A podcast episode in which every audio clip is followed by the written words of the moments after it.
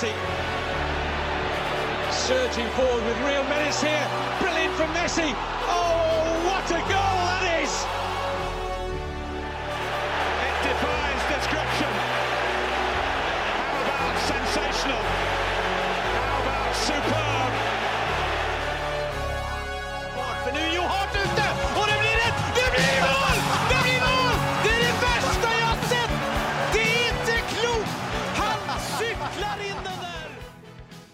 Ja da! Episode 141 av den eh, eminente fotballpodcasten eh, 90 minutter. Eh, Velkommen hit, og velkommen til Søren Døpker og Mats Granvold. Tusen takk. Takk i like måte. Åssen eh, er stemninga blant dere? Nei, ja, det er fint. Det er litt glatt ute, da. Jeg holdt på å tryne sånn tre ganger på, på vei hit. Ja, Du har brodder, så det er jo godt gjort. Jeg er ikke brodda. Hæ? Har ikke du Nei, jeg er ikke brodda. Oi. Nei, nå ble jeg litt overraska. Ja, det, det er jo en av eh, Søren Dupkers første sikkerhetsregler. Nei, nei, nei. nei. Jeg har aldri gått med brodda. Nei, nei, nei. Nei, Jeg burde løpt med brodder når jeg var, prøvde meg ute på løpetur her. Det, det, det må vente, vente med litt, tror jeg. Løpetur eller brodder? Eh, jeg tror det blir vente med løpetur, da. jeg tror ikke jeg går til anskaffelse av brodder. Jeg tror ikke det. Men, eh, men det, var, det, det- det var risikosport, faktisk. Risikosport. det vil jeg tro. Em, Åssen åssen går, går det med deg, Mats? Du har fått uh, ny sånn sidejob. Sidejob. Ja, jeg har jo blitt uh, assistent på A-laget til Gjelleråsen nå, så Det er gøy. det er dritgøy. Tredjedivisjon, Tredjedivisjon. Ja. med mål om uh, opprykk. Mål og mening, ja. Det er mål om opprykk, ja. Ja. Eller eh, ja, ja, vi må jo si det. ja, men det er gøy. Det er Mm. gøy. Og du begynner å ta dette litt mer seriøst nå, da. Altså. Ja, ja. Kommer meg opp og fram, vet du. Ja, ja, ja. Snart så har vi deg i, i Eliteserien. Ja, ja. Mest sannsynlig som spiller, tenker jeg. ja, men det er, det er gøy. Hvordan går det med deg, Thomas? Eh, jo da. Eh, jeg liker å overraske over det spørsmålet hver gang. Og så tenker jeg hva skal jeg snakke om? Nei, egentlig ikke så mye. Det, det går sin faste gang. Det gjør det. det gjør det. Eh, ikke noe vi- jeg, Vi starta opp trening, vi også, i, i går var det vel, med jente 15. Mm, Jeg så det. Ja, men det var noen Vi tok det litt rolig fra starten av, for å Det kommer til å bli noen sjokktreninger utover. Eh, men det var deilig. eh, I motsetning til dere, da, så har vi ikke koronatrening. Nei, det er dritt, altså. Så det, det hjelper jo på. Ja, det kan jeg tenke meg. Mm. Var, ikke, var ikke sist sesong eller noe sånt det Gjelleråsen var sånn der ah, Trente vel koronatreninger et halvt år eller noe sånt? Jo, Gjelleråsen var jo en av de flinkeste i klassen til å overholde eh, restriksjonene. Jeg vet jo mange klubber der ute som trente eh, normalt, selv om det var restriksjoner. Gjelleråsen de holdt egentlig helt til siste slutt med, Mm. med restriksjonstrening. Så det, det var egentlig veldig imponerende. Så eh, var i gang igjen nå, da, med restriksjoner og hele pakka. Så litt demotiverende, men veldig gøy å være i gang. Åssen var det med klubben din, Søren? Holdt Nei, vi, vi, tre, vi trener jo ikke nå. Vi har ikke mulighet, så Dere gidder ikke? Har du noe annet uh, interessant å fortelle oss da, om Søren Døpkers liv? Nei, egentlig ikke. Jeg er glad for at uh... Ingenting som skjer?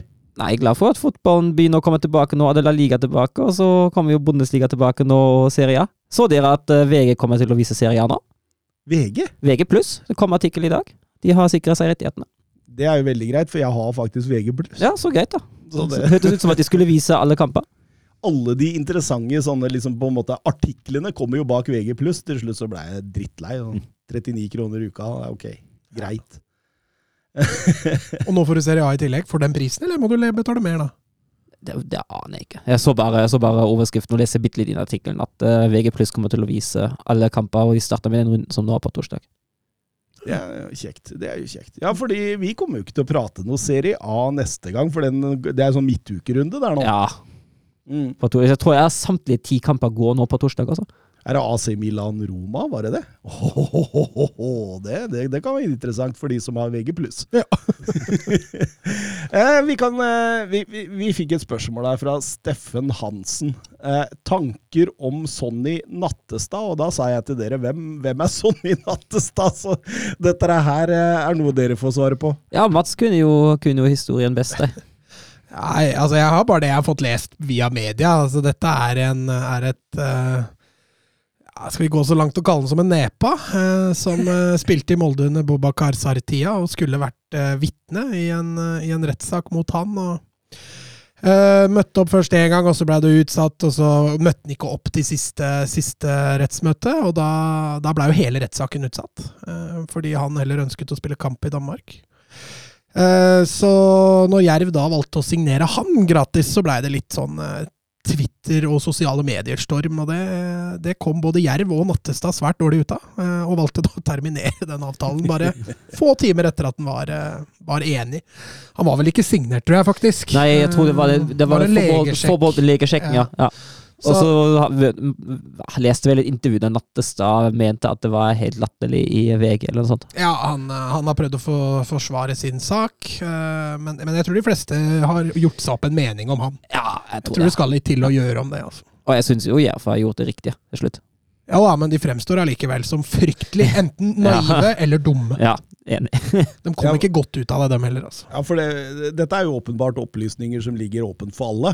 Ja ja, dette har bare vært et kjapt Google-søk, det, så hadde det Ja. Og da, da veit du jo selvfølgelig om det. De sjekker jo eh, alt når man signerer spillere i Ja, dag. Bø, i hvert fall. Ja, det er i hvert fall sånne ting. Da. Så det, er- det er jo klart det at det er greit å, å, å, å se hvem du ansetter, på en måte. Det er jo greit å ta en liten forhåndssjekk der. Ja, nei, jeg syns, de, jeg syns ikke Jerv kom sånn spesielt godt ut av det. Det er klart, De løste det jo på best mulig måte når skaden først hadde skjedd, men altså, at de er i den situasjonen i det hele tatt, det er egentlig litt skandale. Ja, og så gjør de jo noe med den. Altså, de, de hadde jo den rollen å spille før den saken som den sympatiske lille neddoggen som skulle prøve seg på i Eliteserien for første gang. Mm. Og det bildet fikk jo alvorlige ryper i lakken allerede etter noen få dager etter, etter det nye fotballåret starta. Så det der var ikke, var ikke helt bra. Da, da kan vi jo avslutte den med å si heia Jerv, eller? er det ikke, det- er det ikke det er Grimstad. så, det er så- det er så- Ja, det er fra Grimstad, men det er en sånn liten klubb oppe ved Molde-regionen der eh, som heter Treff. Mm. Har du hørt den der supportersangen deres? Treff? Nei? Nei, den er, den er ganske morsom. Hunden sier bjeff, bjeff, vi sier treff, treff. Da har du vært ganske Da har du, vært, da har du leit deg lenge etter rim, altså!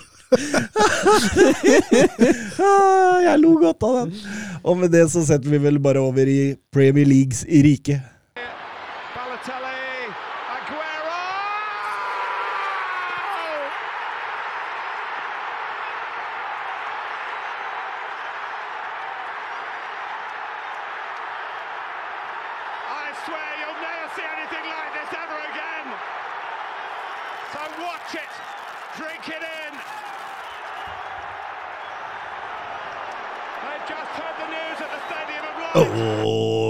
sier bjeff, bjeff, vi sier treff, treff. Men uh, det var noen som bjeffa mot Manchester City her òg. Arsenal uh, med en Arteta ute med korona uh, likevel hadde møtt bra opp til match der, Mats. Ja, jeg syns det der var, var noe av det bedre man har sett av Arsenal, og, med tanke på motstanderen, i hvert fall. De gikk knallhardt rett i strupen på City, og selv om de kanskje var litt tilbakeholdne i starten, så tror jeg det var helt etter planen. Og så, når de da i tillegg greier å få satt det presset såpass bra i første omgang der, så, så ble jeg ordentlig imponert, rett og slett.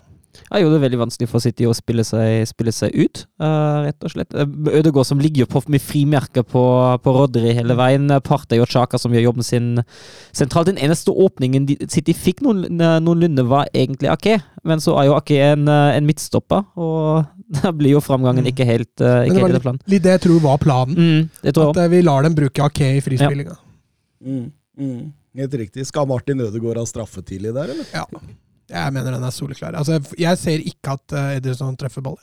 Jeg mener at han eh, Det kan se sånn ut at han er på ballen. Jeg mener at han kunne fått straff, men ikke trengte å få.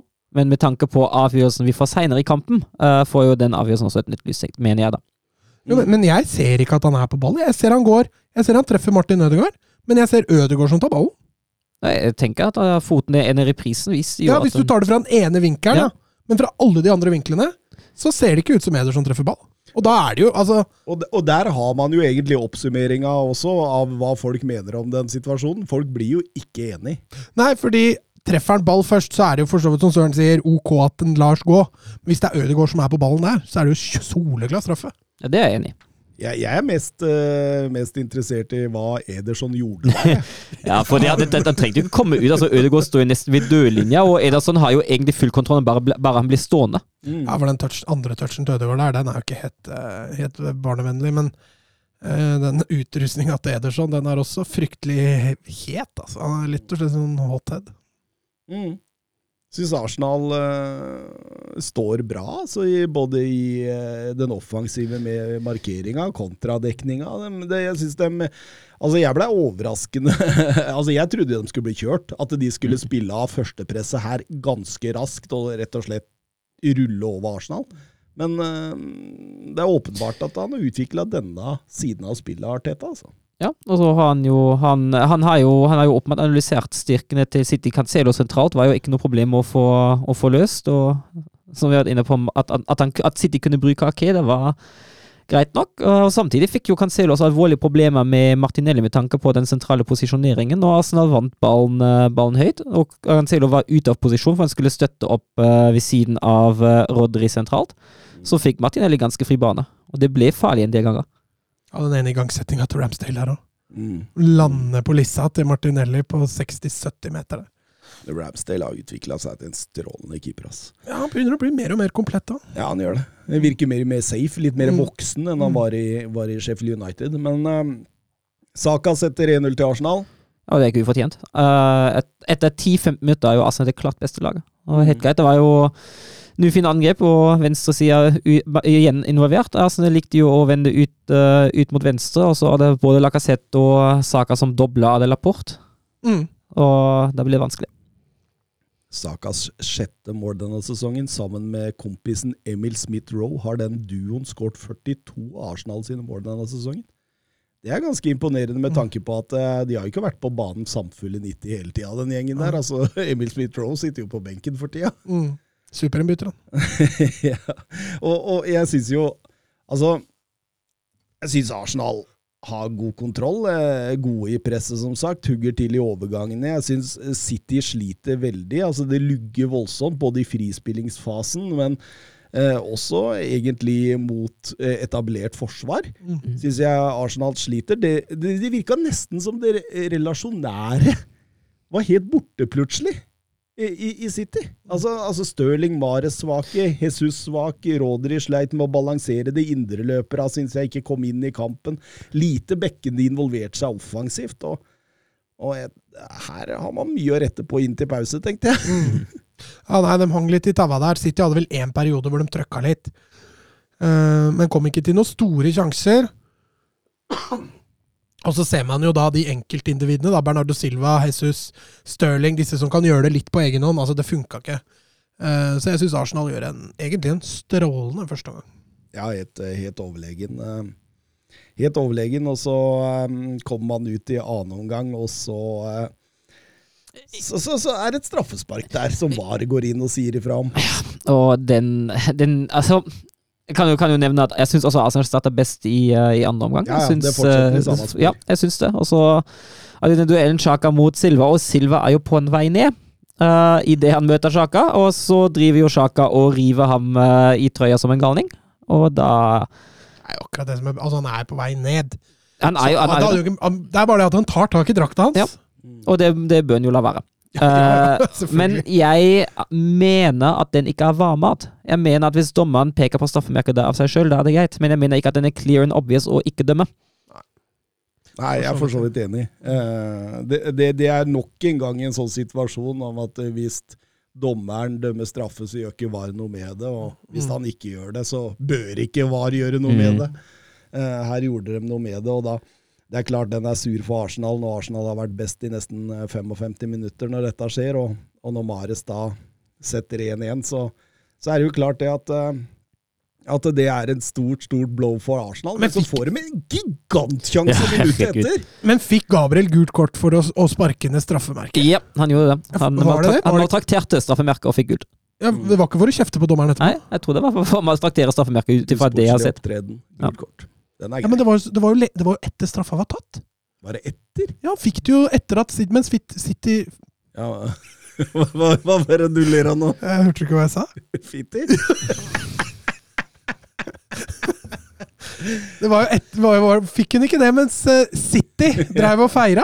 Det var det som var problemet. City, City en som feira. har snakka om Real Madrid i to år, da. Så det, det, Manchester City mot Real Madrid, det kan jo Nei, jeg, jeg, i hvert fall på den ene reprisen så det ut som han fikk det gule kortet når City feira. mm. Og Ja. da må han jo ha fått det for å kjefte på dommeren. Men. Ja, det kan du helt tenke seg. Uansett idiotisk å få et gult kort. Ja, det var det jeg skulle mene. At det, da, da er det jo i hvert fall Altså, uansett hva han gjør, så selv om han trakterer straffemerker, så like idiotisk. Hva Så var har det? vi Var, denne enorme straffe... Nei, sjansen Ja, herregud. Da Laporte og Ederson ikke blir enige, Uh, og Laporte uh, Nydelig jobbing av Akedai, det skal jo sies, og så må jo Gabriele sette den. Eh, Martinelli. Martinelli må jo, må jo skåre der på åpent mål i den Det er situasjonen. liksom en dobbeltsjanse der. Du, du må jo sette den. Og hadde man satt den, så kunne det vært helt annerledes her, men det var er jo bare et minutt etter det òg, Ja, jeg tror det er utspill etter en situasjon som ja, er. Ederson slår. Ja. Og så er jo Gabriel uh, helt uh, er Helt idiotisk. Altså, altså ja, det Hva er er jo det han driver med der? Ja. akkurat fått gult kort, og Ja. så Og det er te altså, først var jeg overrasket, fordi jeg fikk jo ikke helt med meg at Gabriel fikk gult eh, i det hele. Uh, Nei, for det var det jeg også tenkte på. Fikk en direkte rødt. For det, det hadde direkte- vært fryktelig strengt. ja, det hadde aldri vært, uh, vært direkte rødt, men så fikk, jeg- fant jeg ut at å ja, han hadde gult kort, så da er det- da er det greit. Bernt Olav Jellera Hansen, har Arsenal grunn til å være forbanna på dommeren? Personlig synes jeg de bør flytte fokus og være forbanna på seg selv. De, de, de snakker om tre avgjørelser. Martin Ødegaard straffesparket, Silva straffesparket og Gabriel rødt kort. Eh, Jeg jeg er jo litt enig med ham. Altså, jeg tenker jo, altså, ja, men Man kan godt være misfornøyd at de tette avgjørelser, litt som Tottenham hadde mot um, Mot um, Palace. Palace. At, var det mot Palace? Jeg tenker her. Det, det, altså, at de tette avgjørelsene går imot, uh, det, er, det er kjipt. Uh, det er frustrerende, men Arsenal slår seg jo sjøl. Chaka trenger ikke å rive i drakta til Silva. La han bare være å rive, skjer det ingenting. Gabriel trenger da ikke å pådra seg så, to såpass idiotiske gullkort i løpet av få minutter. Watford. Watford var det, ja. Nei, var det Watford, ja? Nei, det er jo noe sist. Nei, Ja, var det ikke noe sist? nei, nei, nei det, var, det var den, den med den offside fikk offside-avgjørelsen. vel ikke så mye mot seg mot Watford nå. Herregud. Hvem, hvem var det de- Tottenham spilte mot da? Southampton? Southampton, var det? Ja, ja, ja, ja. sant det. Ja, men altså, jeg tenker det, det er sånn de samme Altså, det er litt sånn Man kan er lov å føle seg litt urettferdig behandla for all del, men Arsenal slår seg i utgangspunktet sjøl. Mm. Ja, eneste jeg mener de har grunn til å være ordentlig misfornøyd med, er jo Ødegaard. Men der er det jo litt sånn smak og behag, virker det som. da. Ja, folk blir ikke helt enige. Nei, jeg blir ikke helt enige. Jeg, jeg har ikke blitt enig med meg sjøl. Det er derfor jeg ikke egentlig ga noe, noe eh, dom til den. Fordi på noen steder så, så ser det ut som altså, Du kan bruke fysikken, at ballen ville jo ikke gått dit hvis, eh, det var eh, hvis det var Ødegaard som toucha ballen, men så ser det noen ganger ut også som at er Ederson tar Ødegaard, og at ballen går dit fordi det skjer. Så er, jeg, jeg, jeg klarer ikke å bli enig med meg sjøl der, men eh, 1-1, Arsenal 10 mot 11. Eh, og, så, og så setter de i gang et så dumdristig Ja, herregud! ja, herregud, altså! Sender bare 13 folk i det Ja, det, det, det tenkte, altså, til, altså, til og med altså, Hasenhüttel skjønte at han ikke skulle presse med teamene mot, uh, mot Tottenham, men Arsenal bare Nei, vi peiser på, vi. Og så blir jo overspilt selvfølgelig med en gang. Ja, men de lærte da. Ja, de lærte det. Og jeg syns jo, det. jo det Arsenal gjør etter den sekvensen der, uh, altså ligge der i en 4-4-1 og smalt og tett i sentrum, altså det fungerer jo utmerket. Jeg syns jo de forsvarer seg, forsvarer seg forbilledlig. Ja, ja, for City kom jo ikke til mange sjanser, men uh, det skulle holde likevel. Skulle holde likevel. En, uh, en fin bakromsball, uh, lobball i boksen til De Bruyne. Og så er det litt sånn klapp og bapp der inne. Mm. Og så er det Rodri til slutt som har vært usynlig i hele kampen. Mm. Som sitter nå. og det provoserer vel altså supporterne ved feiringa. Ja. Eh, Den var jo fullstendig unødvendig! Der, da? Altså, jeg, altså, altså sitter jo sitter de supporterne sitter jo i den andre enden Altså, de sitter jo rett ved siden av, bare bak den andre stolpa. Han har sikkert fått noen meldinger i løpet av kampen. Ja, sikkert, men- sikkert. Fortsatt unødvendig. Wow, for all del. Og jeg skjønner Arsenal her, at den var tung, altså. Jeg gjør det.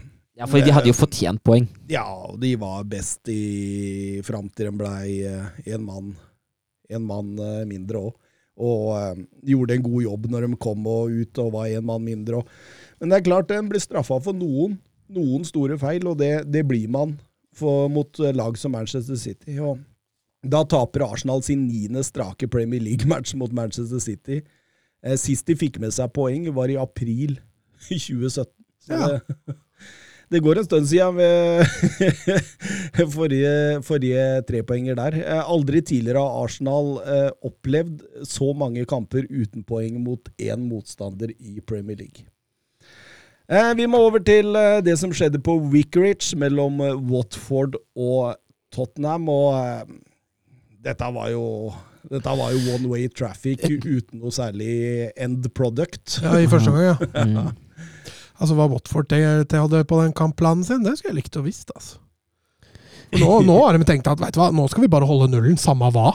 Ja, det så i hvert fall sånn Det så jo sånn Ja. ut. Altså, De sendte jo, ikke, de sendte jo ingen i angrep. Nei, altså, altså justerte de seg. Altså, prøvde seg jo igjen 4-4-2 i starten. Eh, Det ble jo veldig fort en 5-3-2 da de fant ut at uh, vendinga mot region, det liker Tottenham å spille. Og det blir jo enda dypere. Mm.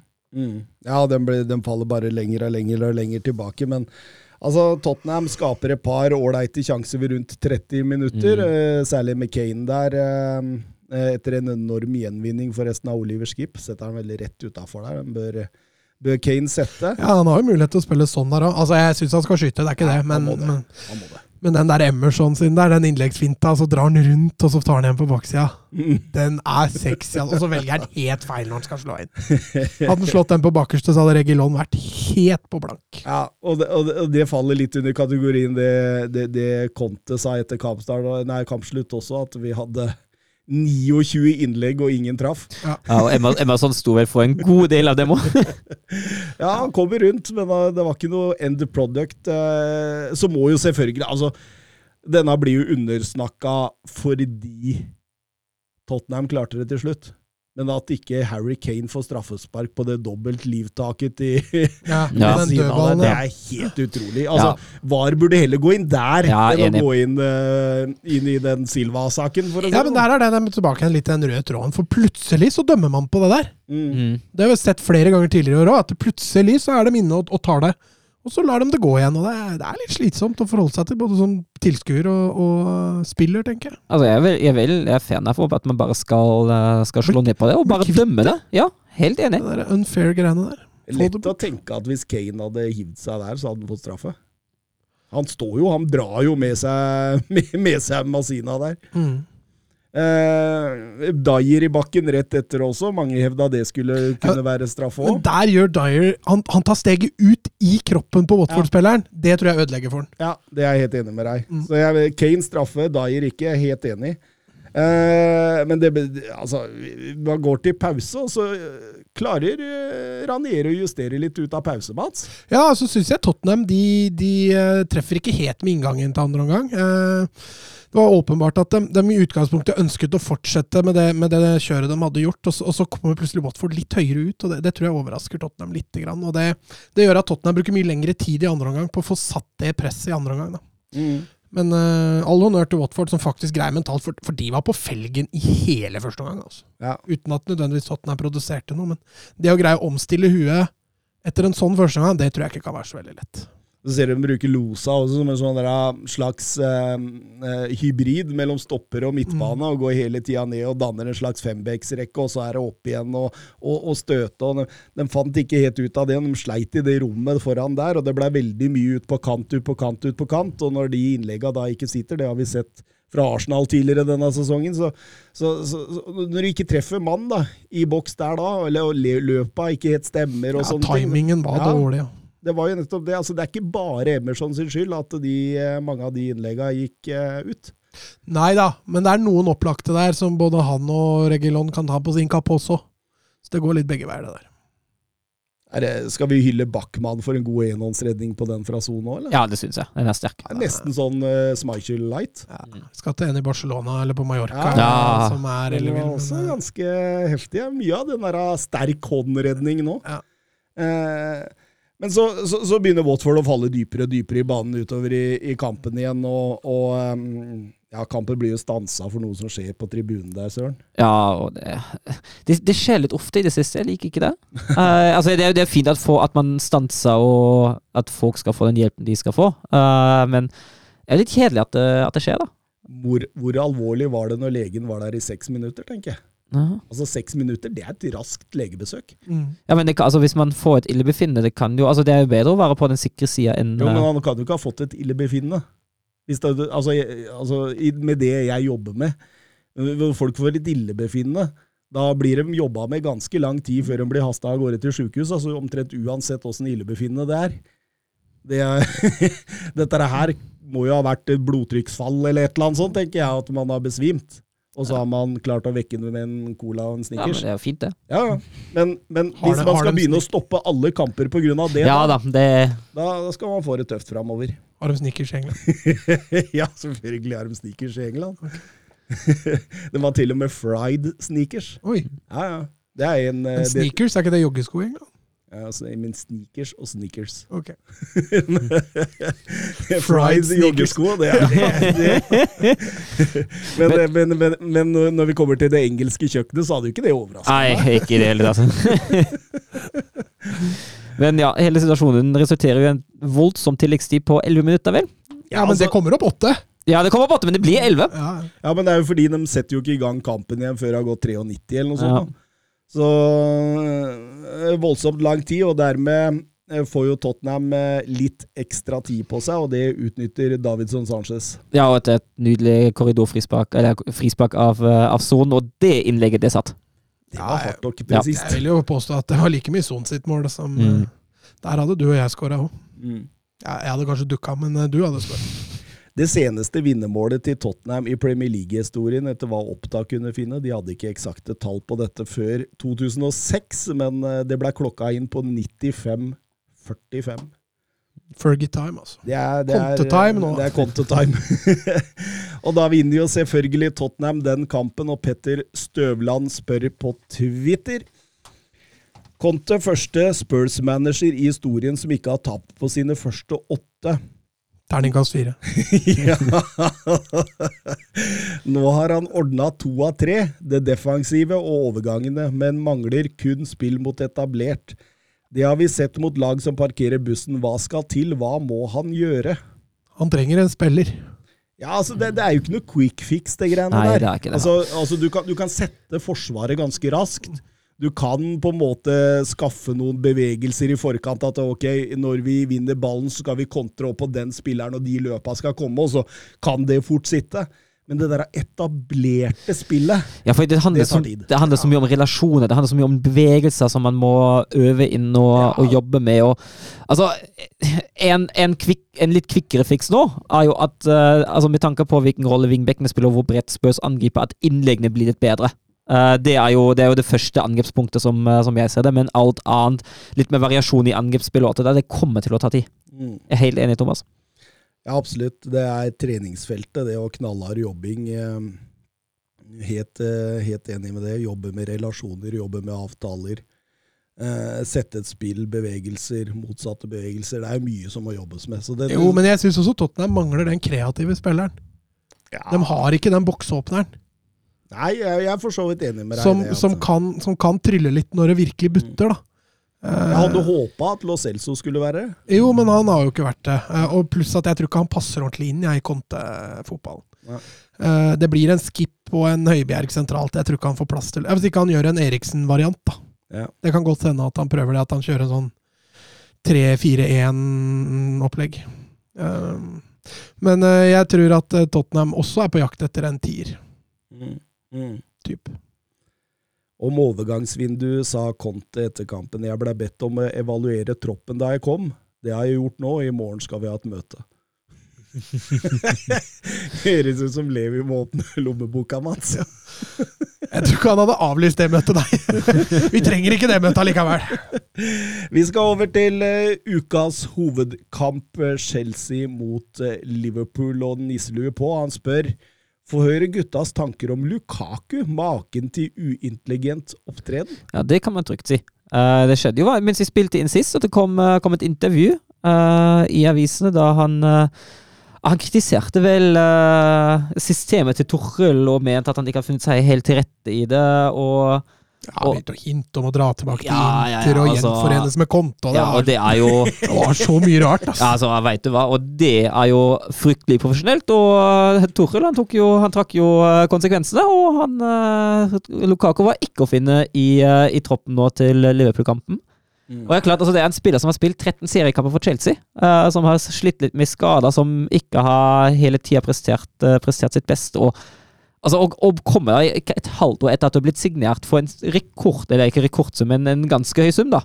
Altså, Altså, han har vært der i tre kvarter, Ja. og så skal du begynne å sutre. Så ja, Men, helt, men, men dette er jo et intervju han gjorde tre uker i forkant, altså mens han, Han var skada, ja. Og etter det så har han jo kommet inn og vært strålende og skåret et avgjørende mål. Og, eh, jeg bare tenker, går ikke an å ringe til Sky Sport Italia og så si det at eh, du, det intervjuet der, du skal få et enda bedre et hvis du eh, ikke publiserer dette nå. Fordi Ja, altså- det kommer jo veldig dårlig ut, dette her. ja, det var håpløst. Og jeg så Tuchel også skrev vel at eh, Nei, skrev, jeg sa vel at eh, hva, hva skal du gjøre med Lukaku? Liksom? Nei, han må spise bedre, han må trene bedre, han må gjøre færre intervjuer. Det er helt perfekt. Helt perfekt. Eh, Og så tror jeg ikke Tuchel er den letteste å, å gjøre forbanna. Nei, jeg Jeg tror, tror Hvis du havner på gærne sida Ja. han, da tror jeg nok du kan få det tøft. altså. jeg, jeg tror ikke Lukaku får det så tøft, eh, for jeg tror Tuchel vet at han trenger Lukaku. Ja, og så er det prestisjesikring. Ja, Jeg tror ja. han bare kan ditche den. Nei, men uh, ja. Dette var uansett den 190. kampen mellom laga siden første oppgjør i desember 1907, en kamp Chelsea vant hele 4-1. Historisk sett har Liverpool litt lite overtak, eh, men eh, ikke med så mange, rundt sånn 17-18 seire mer enn eh, Chelsea. I nyere tid er det mye mer jevnt. altså På de siste 31 har Chelsea vunnet 10. Eh, Liverpool 11, og 10 har endt uavgjort. Så det, dette er ganske jevnt, gutta. Eh, tilsvarende sist sesong endte 0-2 etter to raske skåringer av Sadio Mané tidlig i annen omgang. Motsatte oppgjør på Anfield denne sesongen endte 1-1. Da tok Chelsea ledelsen ved Havertz, mens Salah utligna vel på straffespark eh, rett før pause der. Eh, noe ved lagene utenom Lukaku? Ja, var en, Chelsea var jo en del å ta tak i. Uh, det var jo både Christensen og James ute med skada. Da kommer Silva og Alonso inn. Uh, Chaloba uh, starta for Hatsen og Døy, og Aspiloketa blir skjøvet ut som høyre vingbekk. Conté starta for Roginho, og Havertz som nevnt kommer da inn for, eh, for Lukaku på topp. Ja, for Liverpool var det vel kanskje Allison som var, var det tungeste forfallet, men, men eh, på banen så må jeg nok si at Thiago er nok litt savna, og, Robertson var jo selvfølgelig heller ikke med. Uh, ellers hadde jo Liverpool en ganske tynn benk, og når du da i tillegg veit at Salah, Mané og, Dia og Nabi Diaby, Diaby holdt jeg på å si altså. Nabi Diaby? Diaby, Diaby. Nabi Keita skal, skal også bort, så, så kan jo dette bli interessant framover. Liverpool var også uten Jørgen Klopp. Ja, han også var jo, men han var ikke startelveren uansett. Da. Eh, Pep Leinders som, eh, som leder dem, en 38 år gammel nederlender. Eh, interessant. Spennende. Um, Men ja, Nå forgriper jeg det litt, da, men så dere han jubla mot Chelsea-benken hver gang Liverpool skåra? ja. Og så håpa jeg å få se reaksjonen til Tuchel når Chelsea utligna til 2-2, men det fikk vi ikke se. Altså. Var det ikke noe Tuchel-kamera, altså? Nei, det var ikke det. Torshäll Cam. Um, kampen begynner jo Altså, det, det mest omdiskuterte i hele kampen skjedde jo etter er 4,7 sekunder der. Den lange ballen løper Liverpool starter med en lang ball ut mot venstre, og Mané havner i en duell med Aspilokoeta. Uh, albuen i ansiktet til Aspilokoeta slipper med gult kort. Klink rødt, sier mange. Andre sier uh... Ja, etter, etter 60 minutter klink rødt. Etter 30 sekunder gult. Nei, Jeg syns jo egentlig ikke at tida skal ha noe å si, Nei, nei, eh, men samtidig syns jeg også det er forsvarlig med gult kort. Eh, men Mané kunne ikke ha klaget om, et, om en annen farge kom opp. mm, mm. Men han, han Ja, det er så klønete måte å gå inn på. Ja, det, det, det er mer klønete enn stygt, Ja, men pro Problemet er jo når resultatet blir som det blir, da. Jo, jo, det er jo for så vidt, men vi, Albuen hans har jo ikke noe der oppe å gjøre. Ja. Nei, nei, nei, overhodet ikke.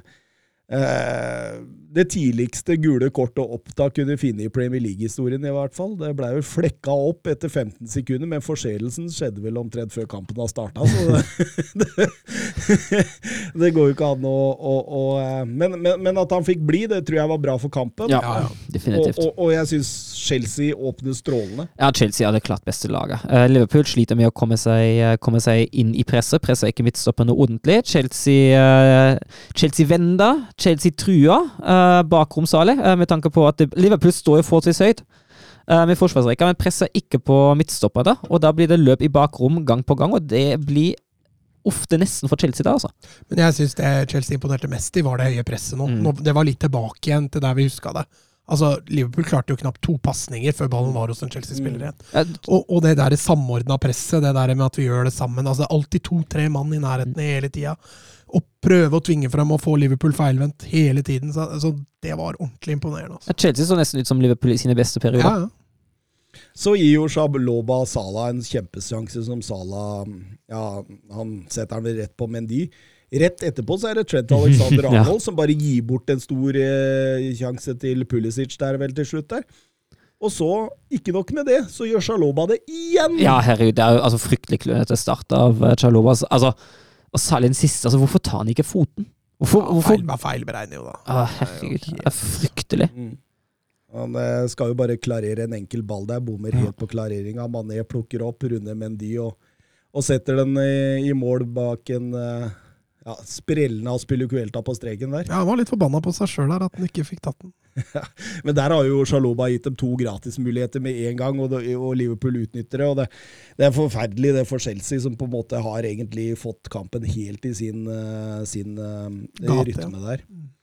Eh, og du ser hvor- hvordan Chelsea også altså det, det har du sett gang på gang nå. eh, at det, mot Liverpool nå, at man hele tida oppsøker tidlig bakrom, tidlig bakrom, tidlig bakrom. Du så det med Conte.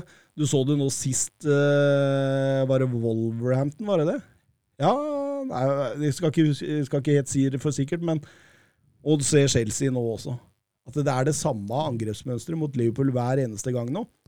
Og Liverpool sliter med det. Mm. Så der må Klopp inn og justere noe. Altså. Ja, jeg syns jo særlig Alexander Arnold var fryktelig svak defensivt. Eh, nesten litt synd at Chelsea brukte Alonso på venstre midt. Jeg har ikke noen andre akkurat nå. Eh, Alonso syns jeg spilte også en dårlig kamp, særlig med ballen. Men hadde de hatt en uh, litt mer offensiv Hadde Chilwell spilt den kampen der, tror jeg Liverpool skulle ha slitt ganske kraftig, også. Mm. Mm. Ja, hadde det vært Chilwell og, og James på hver sin wingback, så Mm. tror jeg de hadde fått kjempeproblemer. Mm. Eh, Men eh, uansett hvor store problemer de har, da, så, så er det jo Liverpool som skårer måla. No- 0-2 Sala. Ja, og jeg, jeg synes jo etter en periode fra så på sånn 20 minutter kommer Liverpool seg litt bedre inn i kampen. De setter i hvert fall gegenpresset litt bedre. De vinner litt flere baller høyere i banen. Og det, føder den, eh, det fine angrepet der, som gir 2-0, er også en ballgevinst mot Havertz som, som innleder det hele. Uh, Det er litt slapt av Rydiger og, Ja, og. Alonso der. Altså. Det, er, det er dårlig kommunikasjon. At Sala får lov å gå der, det, det skal jo ikke skje. Altså, men det Salah gjør når han først får ballen Ja ja, for all del. Men han har veldig god tid når han får ball, og da bare setter han full pupp på, og da Nei, er, og da avslutninga etterpå over med Mendy henger jo ikke med der, eller. Verdensklasse, det der ah, temposkiftet han gjør på Mm. Alonso der. Alonso ser ut som Jeg tror han står der ennå. jeg. Mm. det er ganske vilt, altså, det der. der. Altså, det er ikke mange spillere i verden som gjør det der. der. Nei. Han rører ikke ballen. Det er jo bare, Vi bruker bare kroppen, og så uh, sakker vi litt ned, og så girer vi på igjen. Mm. Helt enormt. altså Helt enormt. Det er, det er en så rå scoring, det der, at det, du, du kan nesten le deg i hjel. Og, og i og med den scoringen, da, så har Salah 16 Premier League-mål denne sesongen. Han har ni assist, og det betyr at han har fem strake sesonger på rad med 25 målpoeng Det er- allerede nå. Det er sterkt. Og eh, det er kun Tiara Ary i Premier League-historien som har flere sesonger med 25 pluss målpoeng, og det, han hadde sju. Ja, og Salah kan faktisk klare det òg. Ja, ja, ja. Hvis han blir i Liverpool, da. Det, og han, han, han blir jo kalt one hit wonder. Han uh, har vel motbevist det ganske kraftig. både Salah og Kane ble jo det. vet du. Ja. Kane også ble jo voldsomt på One Season Wonder. Mm. Uh, Fikk dem uh, smake biffen, Mats. Mm. Biff, biff er godt. Eh, ja, som Søren er inne på, Liverpool kommer jo mye bedre inn i det, i minuttene før eh, 0-2 der. Eh, du ser dem ofte går i en 4-4-2 defensivt, at venstrekanten, uansett om det er Yota eller Mané, eh, går ned, og, og eh, de to andre i topptreeren danner en sånn toppress på en duo da, Mm. eh, på topp der. Eh, Liverpool får med det også mye mer den får mer ro i oppspillingsfasen og i frispillingsfasen, og det det sitter bedre presspill. og Det gjør at Chelsea begynner å tape en del baller òg. Da, da, da, da blir det jo en kokoskamp. Ja, jeg syns Chelsea på vei framover eh, Skal vi ta over? Han har korona. han har korona. Nei, jeg syns Chelsea også slurver litt når de skal framover i banen. For det er mye umotiverte pasningsfeil der. Eh, For all del, Liverpool sitt press blir bedre, men syns det er litt slurv i Chelsea der. òg, Men det, det kommer jo på et tidspunkt der hvor Liverpool akkurat har skåret 0-2. Du føler du har vært det klart beste laget. Mm. Det som da skjer på den dødballen, det er livsviktig for kampen og for Chelsea sin moral. altså. Vi kan jo ta noen ord om den dødballen, kan vi ikke det, Søren? Ja, det var vel eh, frispark eh, ut, langt ut på høyresida. Så var det Alonso som slår inn, og Kelle har, blir vel, han blir vel eh, litt irritert av Rudiger, men får han unna. Bokser han unna, og eh, Kovacic han rygger faktisk for å få tak i den, og så banker han til på volley og i krysset via stolpen. En vakker, vakker skåring det der òg. Det et beist av en scoring. Ja, Måten det der utføres på, sånn rent fysisk, er, eh, det er, eh, det er verdens, verdens topp, verdensklasse. Altså. Eh, balansen han har i kroppen, eh, treffpunktet på ball, eh, ballbanen Altså, alt er perfekt. Mm. Så det er sånn tekstbokeksempel på, på hvordan utføre en god volley. Mm. Ja, ja. Det er, det, er, det er så vilt. Ba- ba- Bare prøv på løkka alle mann og rygg samtidig som dere skal. Mm. Ja, det, det, det er ekstremt. Det er ekstremt. Det er, det er ikke noe annet å si om det. Og, og, og da blir, kommer jo 2-2 jammen rett etter. Ja, og det, det, syns, jeg er morsomt med tanke på Conté. Han går jo i to eller tre dueller. Han starter jo med duellene sine på høyresida, så bare følger han og, og dekker opp, eh, dekker opp rommet. og ja, To eller tre havner opp med til slutt, og så spiller han jo en nydelig passing i bakrom til, til Pulisic, som uh, setter han under tverrliggeren. Fint hvordan han bryster den ned, tar den med, taper ikke fart i, i, i, eh, i situasjonen og bare legger den opp i lengste. Og, og Mason Mount kan jo faktisk gjøre 3-2 rett før pause der òg, med en Ja, kjempesjanse. Van Dijk er litt i veien for den, så han, han får ikke dreisen på den. Jeg lurer på om han da, siden Van Dijk bommer, at han ikke burde tatt den med seg. Mm. Men eh, når han skyter der, så, så er Van Dijk litt i veien, så han sniker seg på, på utsida. For en vill førsteomgang! Ja, helt nydelig. Spinnvill. Ja, det jeg, jeg tenkte underveis her og, og utover i pausa her, så det, vi kan jo ikke få en sånn omgang til. men, Men jeg, søndagen var jo fin. Altså fotballmessig. Altså Hvis du da gikk fra Først var det Real Madrid, så var det Atletico, og så var det Liverpool Chelsea, og så var det Barcelona.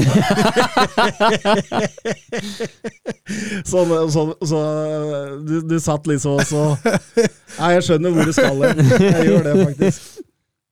Ja, for dette her var jo turbofotball og, og, og Premier League-reklame utover en eh, lav sko, egentlig. Det er jo rett og slett fantastisk. Og det, det er to lag som Altså, begge vil bare rett i angrep, liksom. Ja, altså Her behøver du ikke å heie på noen av lagene for å synes dette var gøy. altså. Nei, Eh, absolutt. ikke sikkert de som heia på lagene syntes det var så gøy, men, men eh, for den nøytrale så var dette vanvittig kul fotball å se på. Ehm, Chelsea de gir seg ikke mer høye presset selv om vi kommer ut i annen omgang. Her Nei. kjører vi på. Nei, og det blir jo farlig når Liverpool kommer seg inn i bakrom. Det, Ja, det, skjer jo, det skjer jo noen ganger at de eh, Ja. Så direkte som de er. Jeg syns Liverpool spiller ekstremt direkte, og Mané og Salah, særlig Mané, da, syns jeg truer det bakrommet hele tida. Hele kampen danser vinner settlinja. Jota òg, innimellom. Ja, ja. Lurer, han, han jukser litt. Så det er så fort Liverpool vinner ball så, Ja. og får slått den opp, så ligger det masse med tre mann der oppe. Og Chelsea lever veldig farlige perioder, altså. Ja, det var jo to store sjanser etter 57-58 Mm, som Liverpool har. stemmer Men der er Liverpool bra. De, eh, de Mm. kan faktisk forsvare seg, de med bare sju mann. Ja, Pluss keep, plus keeper, da. Absolutt. eh, Et par gode sjanser der, som Søren sier. Og så har Pulisic en rett etterpå, vel, og han får stå på 8-9 meter og banker til på direkten rett på Keller. Ja, da må han jo avslutte bedre. Altså, God reaksjon av Keller har for all del. Det er ikke lett selv om han kommer rett på, uh, men Pulisic må jo skåre det. Mm. Så blir laga Ja, så det blir jo egentlig jeg, jeg tenker jo på mange måter Liverpool ble tvunget til å gjøre noe bitter der. Altså, Keita og Oxlade Chamberlain inn for en eh, meget svak uh, Diogo Yota, bare så det er sagt, og en sliten James Mill. Ja, men Diogo Yota var svak i den kampen, altså. Ja, det ikke, kom det noe på Twitter om det? Nei, det kom ikke. Det kom Nei, ikke. kom ikke. Nei, var ikke noe nå. For dette er starten på floppen. Ja, det, det, det var i hvert fall elendig. Det, ja. altså, alt. Han bomma med alt. Både med timing, med teknikk, med mottak, pasninger. Alt gikk dårlig, altså. Ja, det, og Milner han var jo så sliten at han visste jo ikke hvor han var. Han ble forbanna når han ble bytta ut, da. Det tror jeg ikke han burde, for å si det sånn. Mm. For han klarte ikke å, å komme opp i press noe mer. Og, og eh, Tuchel får inn Jorginho for en eh, Sjaloba og dytter eh, Eh, Aspilicueta er inn, Ja, og og, Christian Pulisic ut på vingbekk. ja, og Kanté får den, eh, den Pulisic-rollen litt sånn bak, eh, bak spissen. Spenstig òg. Kanté er jo overalt. Ja. Nei, nei, jo, for en kamp. Du, du bør ikke si posisjon, bare, bare løp, du. Ja. Jeg har sett den på høyre bekk, det spiller ingen rolle. Liksom. Det, er, det, er, det er helt spinnvilt, det Kanté driver med. Men, eh, men eh, ja, og da, da roer kampen seg. Fascinerende fotballspiller, han Kanté. Altså. Ja, det, Hvem, hvem kan du sammenligne han med? nei, det, det er ikke noen. Det er ikke noen. Det, det, du, du må finne blandingsforhold. Ja. Altså, det er sånn Det er en blanding av uh, Makelele og uh, Paul Scholes. ja, jeg tenkte, på, tenkte å holde meg i det franske riket, da, men uh, Tenk deg Makelele og Scholes fikk fikk Og så barn. blei det. Kanté, Kanté med rødt hår der. Nei, nei, jeg vet hva, jeg er så fascinert av Kanté når han er i form. Altså, For en fotballspiller. Tenk å ha han på seg laget sitt. Det må være, det må være en drøm. Altså. Ja. Resten av kampen, det Ja. Det Ja, dabba det- litt ut. Ja, dabba det, litt. Begge lag ble litt slitne. Ja. Det så du helt klart, og det er ikke så rart etter den første gangen og, og det kjøret som var der. så... Chelsea egentlig best mot slutten likevel. Ja, Mm. men de, de greier jo ikke å skape noe voldsomt mange, eller, eller det voldsomme trykket. så... Nei. føler jo at Liverpool allikevel har litt kontroll, selv om du sitter jo og lurer litt da når Alison ikke står i mål, at det kan jo komme noe fanterier. Men jeg syns Keller gjorde en grei jobb, jeg. ja ja, han skal ikke ha noe for de måla der. Da får Mats to poeng for resultattipset. Du tippa 2-2. Den er sterk. 2-2. Den er sterk. Jeg eh, og Søren vi ender opp med null poeng, for vi trodde på Liverpool. Det gjorde vi. Eh, banens beste. Eh, Jeg har tre på Conti.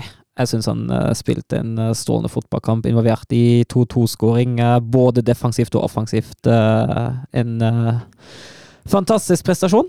Eh, to jeg til hans partner på midtbanen, Kovacic. Det var ikke lett for uh, Milne Henderson og Fabinho å møte de to der. Eh, jeg syns Kovacic også hadde, hadde en eh, veldig sterk kamp. Jeg syns han eh, også i begge retninger eh, spilte, en, eh, spilte en god rolle, og en J til, eh, til Mané, som jeg mener er Liverpools eh, farligste angrepsspiller i den kampen. her. Ja, jeg er eh, for så vidt enig. Det eneste jeg bytta Kovacic og Kanté. Jeg har Kovacic på, på nummer én. Jeg syns han er enorm i den matchen der. Eh, og når du da i tillegg topper det med den scoringa der, som er Det er et C-moment ut av en annen verden, altså. Eh, jeg husker den cup, eh, FA Cup-finaleskåringa til Cantona mot Liverpool i 97, eller når det var. Det var litt lignende, men ikke i nærheten så bra som Kovacic nå. da. Hvor han da må rygge for å få den på volley. Mm. Eh, men eh, nei, jeg gir tre poeng etter Kovacic. Han bikker den trepoengeren med den skåringa. Og Mané på ett. Ja. Nei, altså, jeg hadde Mané og Salah, men jeg Ja. kan godt ta Mané. Kunne også tatt Diago Silva, faktisk. Han også var bra. Ja, minus tre stjerner på Diego Jota. Minus to på Henderson. Det gjør opp for mye. Ikke han lover meg mye for minus to. Ja, han får minus to i så fall, ja. Det er helt riktig. Nei, jeg har eh, Kanté på tre, Kovacic på to og Tiago Silva på ett. Syns Tiago Silva var bra, jeg. Ja, han var strålende. Eh, super sub Sivert. Eh, hvor mye tror dere fraværet av Tiago har hatt å si for resultatene til Liverpool? Føler det er på midtbanen de har slitt mest de siste kampene. At det har litt å si, det, det tror jeg ikke det er noe særlig tvil om. Han, eh, han er en veldig fin balansespiller å ha i et lag, med de ferdighetene og pasningsspillet han, han fremviser. Når han i tillegg da viser seg å være bedre ballvinner enn jeg har sett den på lenge, eh, så er det klart at han er et tap. Når du erstatter det med James Milner, så sier det seg sjøl at, eh, ja. at det blir en hylle under. Det er Altså. vel kanskje erstatteren her i større grad enn det er, eh, Ja, det enn det er spilleren selv, kanskje. det kan du godt si. Eh, ja, fordi Liverpool gikk jo fra seier til seier til seier til seier, og så den siste kampen han, han spilte, var det, mot Newcastle, eh, mener jeg å huske. Eh, så spilte han ikke mot Tottenham og to ganger Leicester, én i cupen og da Chelsea. Og etter det har de jo ikke vunnet. Nei. Så det, det, det, må jo ligge en liten forskjell der. Det er ingen tvil om. Eh, Oskar Carveio Holm, kun Brentford hjemme og Palace borte. Liverpool må klare seg uten Keita, Mané og Salah i ligaen. Hva tror dere fin poengfangsten blir ut av disse? Fire. Ja, Brentford, det er en Ja, men det er på Anfield. Mm. Jeg tror Pelles borte kan også være litt tricky. Altså. Ja, den Pelles borte, den er enda verre. Ja, ja, Ja. Palace de også er jo tungt uh, Ja, ramma ja. av denne Ja, Afrikamesterskapet. Ja, sa Ja. Ja. Så de, eh, de også stiller jo svakt. Ja. Nei, jeg tror seks poeng. AU. Ja, kanskje de får seks. ja. Mhm. Eh, Jonathan Hobber. Tanker om Safe Standing-prosjektet. Var kult å se stående supportere på Stamford Bridge i helga. Synes det var automatisk bedre trøkk. Ja, jeg, altså, jeg som kommer fra en, eh, fra en tysk fotballkultur, der ståplasser er en så fast del av den eh, fotballkulturen. Uh, altså Jeg skjønner jo med tanke på historien i England og alt det der, men jeg ser ikke hvordan det i 2021 skal være et problem å ha, å ha ståplasser på stadion. Jeg gjør ikke det. Nei, det var 12 000 stående på, på brua i helga. Mm, Det er jo et prosjekt. Manchester United, Manchester City, Tottenham, Cardiff og Chelsea er i det prøveprosjektet. Jeg sitter med der. Mm. De kan jo bare stå uansett. nå fikk du han der Ritik imot deg, vet du. Han, eh, han kan bli arg nå. Ja, det var sorry, sorry. Eh, det er jo slik at du skal ha rekkverk for, både foran og bak, sånn at man skal unngå fall. Og så skal det også være muligheter til å sette seg ned om man har behov for det. Og hvis de fylles, de krava fylles, og det går bra, dette prøveprosjektet, så kan vi se ståtribuner i England eh, for første gang siden 1994. Det har vært veldig fint å få. Ja, men det er, det er sånn på de fleste arenaer, med, med hvert fall sånne gelendere foran og bak. Ja, litt dessverre. Altså, jeg har, den uh, ståtribunen på året som er bare bølgebrytere, den har jo også sin skjerm. For all del. Men, men eh, i Europa, Europa eh, Champions League og sånn, der har du ikke lov å stå. Nei, dessverre ikke. Da... Så Du må ha sitteplasser Mm, også. Ja, jeg Eller så mister du mye eh, plass, altså. Ja, og jeg, jeg syns jo, det er- jeg synes jo det er fryktelig synd. Jeg, jeg, ser ikke noe, jeg ser egentlig ikke noe grunn annet enn eh, en historiske ulykker som har skjedd, som selvfølgelig er ekstremt tragiske, men uh, det er jo en stund siden nå. Og ja, jeg, synes, jeg er helt enig med Jonathan Hobba. Jeg syns ståplasser har noe å tilføre til, eh, til fotballen. Også. Deilig. En som har noe å tilføre fotballen, er også Phil Jones. Og han var tilbake igjen i midtforsvaret i kampen mellom Manchester United og Wolverhampton. Etter nesten to år. Han var, Det- ikke- var ikke død. Nei, det, det Det var helt vilt å se navnet hans plutselig der. Og så jeg bare Hæ, grafikkfeil? Hva er det som skjer her? Og så bare Nei da, nei da. Og de møtte jo et Wolverhampton som ikke hadde spilt før, siden godt før jul pga. noe koronatrøbbel, og, men det var fortsatt et vanskelig lag å spille mot, Mats. Definitivt. Nå hadde vel ikke United så mange alternativer på den stoppeplassen, hadde de det? ja? Nei da, nei da. Det var nesten litt tvunget. Men han, men han kom veldig bra ut av det. Eh, Men eh, kampen, ja, altså Wolverhampton totalt sett det beste laget. Eh, Jeg syns United bruker lang tid på å komme i gang. Wolverhampton går ganske tøft til verks. Og, presser veldig flink til å variere presset sitt, men det høye presset fungerer jo utmerket. Og det har United vist i hele år. At de sliter jo med høyt press så lenge de ikke får rom til å kontre. Og det, det, der er Wolverhampton gode. Eh, Så her er Ragnhild et nok et lite steg tilbake igjen, altså. Ja, jeg, jeg synes altså det, som, det som jeg kanskje synes er mest skremmende, er hvordan pressledd 1 og 2 til United agerer mot ballen. Uh, Salig i overgangsspillet. For da, altså Wolverhampton kommer ikke til mange store sjanser, de heller, men det stopper først ved forsvarslinja. Mhm. De kommer seg fram til forsvarslinja gang på gang på gang. Og midtbanen er, er fryktelig svak i spill mot ballen, særlig. Ja, altså, men, men med ball òg. Altså, Ja, jeg er enig i det. Hvor mange ganger mista han ballen? da? Ja, det var Han spilte jo nesten for Wolverhampton en periode. Ja. Mm. altså, Greenwood kommer fantastisk fra det. Han syns jeg er en deilig fotballspiller i den kampen. her, og Han, han løfter litt entusiasmen sånn United-messig. Men øh, Nei, altså, jeg syns Wolverhampton gjør en veldig godt gjennomført kamp, og de er langt bedre forberedt, ser det ut som. Den sentrallinja der med Motinho og Ruben Neves, den, den ødelegger United, altså. Ja, den karnøfla dem. Ja. ja, ja, helt klart.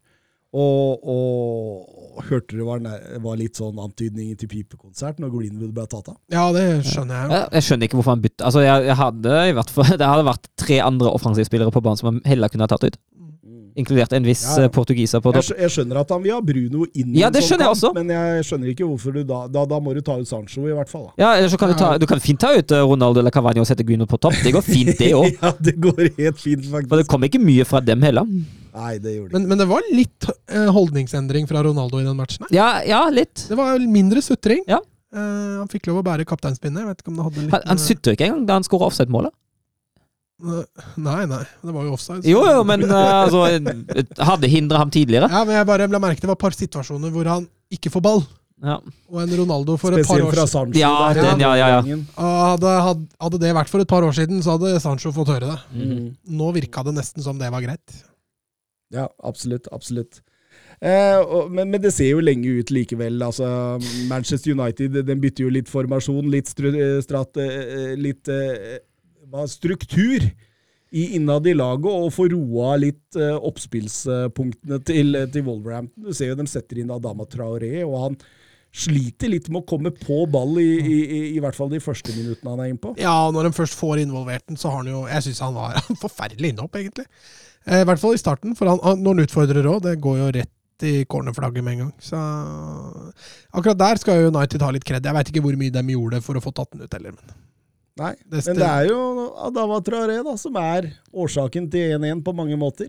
Men han kommer jo mer i det etter hvert, da. Ja. Det bør jo nevnes, selvfølgelig. Parkerer Luke Shaw én mot én der og legger inn eh, Phil Jones, klarerer med rett i Motinho som ah, Deilig når du demper den med Ja. såla der, før du klinker den inn i den. Lengste. den er deilig, altså. Den er deilig, og, og Ja, altså Raider han jo opp et gult kort her på Luke Shaw etterpå, han Adama Traoré, så han, han blei jo bedre.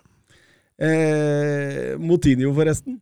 Han har eh, skåret ett mål per sesong. Han har vært Så han er Premier ferdig skåret, Han er nå. Det Han er det bare å la løpe, rett og slett, i neste Ikke gang. la han uh, få rolle på fancy framover nå, i hvert fall. eh, ja, og jeg synes, altså, Manchester United går jo seg inn i en stor blindgate de ikke kommer ut av. De kommer ikke ut av den, rett og slett. Den er, den er ikke åpen nå. Og eh, Nei, så blir det ikke noe bedre på 0-1 heller. Altså. Begynner han å kaste inn på noe desperate forsøk på slutten der, og det funker ikke. Nei, det funker ikke. Altså, Wolves har jo stående kontroll. ja, ja, ja, ja helt klart. Eh, Bruno Fernandes har vel en der I tverrligaen. Den, den bør han jo sette på. Ja, det er på 0-0, er det ikke? Ja, det er på 0-0. Men altså, altså er jo ofte altså, Det som ofte er Jeg tenkte jo, altså, særlig første omgang, United var farligst når de kunne vende ut mot høyre, men da vendte du ut mot Iron Van Bissaka. Og det var jo, eh, var jo oppskrift til, eh, til ikke-suksess offensivt, altså. Ja, ja, det har som regel vært det. Ah, det er jo- er helt katastrofe. Eh, Februar 1980 var sist Wolverhampton vant borte mot Manchester United. Siden det har de hatt null seire, tre uavgjort og sju tap på Old Trafford. Eh, Wolverhampton har tatt 28 poeng og kun skåra 14. Det har ikke skjedd én eneste gang i engelsk toppdivisjon. Selv om man konverterer to poeng for seire til tre. Såpass, ja. Det er ganske vilt. Det er ganske Effektive, altså. effektive så det holder, og, og god defensivt. Ja. Uh, Manchester United går målløse av banen for fjerde gang denne sesongen. Allerede flere enn de hadde hele forrige sesong. Eh, Supersub Sivert på Twitter. Eh, synes dere synd på Ragnhild, eller eh, er det han som må ta ansvaret for det spillere presterer? Akkurat. Jeg syns ikke synd på han, i. Jeg syns ikke synd på han heller, han visste hva han gikk til. Uh, og, og, men det er ikke en optimal stall til å gjennomføre det han vil gjennomføre, da, for å si det mildt. det er akkurat der han visste hva han gikk til. Ja, for all del. Uh, men Ja, altså, altså Gegenpress sitter ikke i ryggmargen på de fleste spillere. av Nei, og når du, når du samtidig er så avhengig av enkeltmannsprestasjoner offensivt i tillegg, da, uh, mot etablert, da blir det fryktelig, fryktelig vanskelig. Det er kanskje der jeg er mest skuffa. Mm. Det etablerte angrepet til United. Men, men det er jo altså Ragnhild, hvor lenge har han vært der nå? Jo, jo. Det tar jo tid, som Thomas har vært inne på med, med konto. Det tar Nei, ikke med tid med Ragnhild. jo, det tar tid før det sitter. Han, han sa det sjøl i intervjuet etter kampen, fordi han blei vel spurt noe om hvor er dette presset vi har hørt om, og litt sånne ting. Og da sa han det at eh, både mentalt og fysisk så har man en god jobb å gjøre før spillere kan sprinte opp i press på den måten jeg vil at det skal gjøres. Åpenbart at han også sier sjøl at det, det kommer til å ta litt tid før man ser, ser fotavtrykket til Ragnhild i, i, i stilen til United. Da. Mm. Og det er klart, det er, det er som Søren sier, altså. Han har jo altså Dette det, det, det er jo ikke spill... Altså, ikke engang i klubben er det noe som helst som tilsier, altså historisk, på at det laget går høyt i press. Mm. Altså, det, det, det- det har jo vært et ikke pressende lag i, i, siden godt før Ferguson, og sikkert før det òg. Så det, jeg, jeg, dette kommer til å ta massevis av tid, og kanskje så mye tid at Ragnhild allerede er ute til sommeren. Og han, da. Så mye tid kommer dette til å ta. Vi går over til La Liga.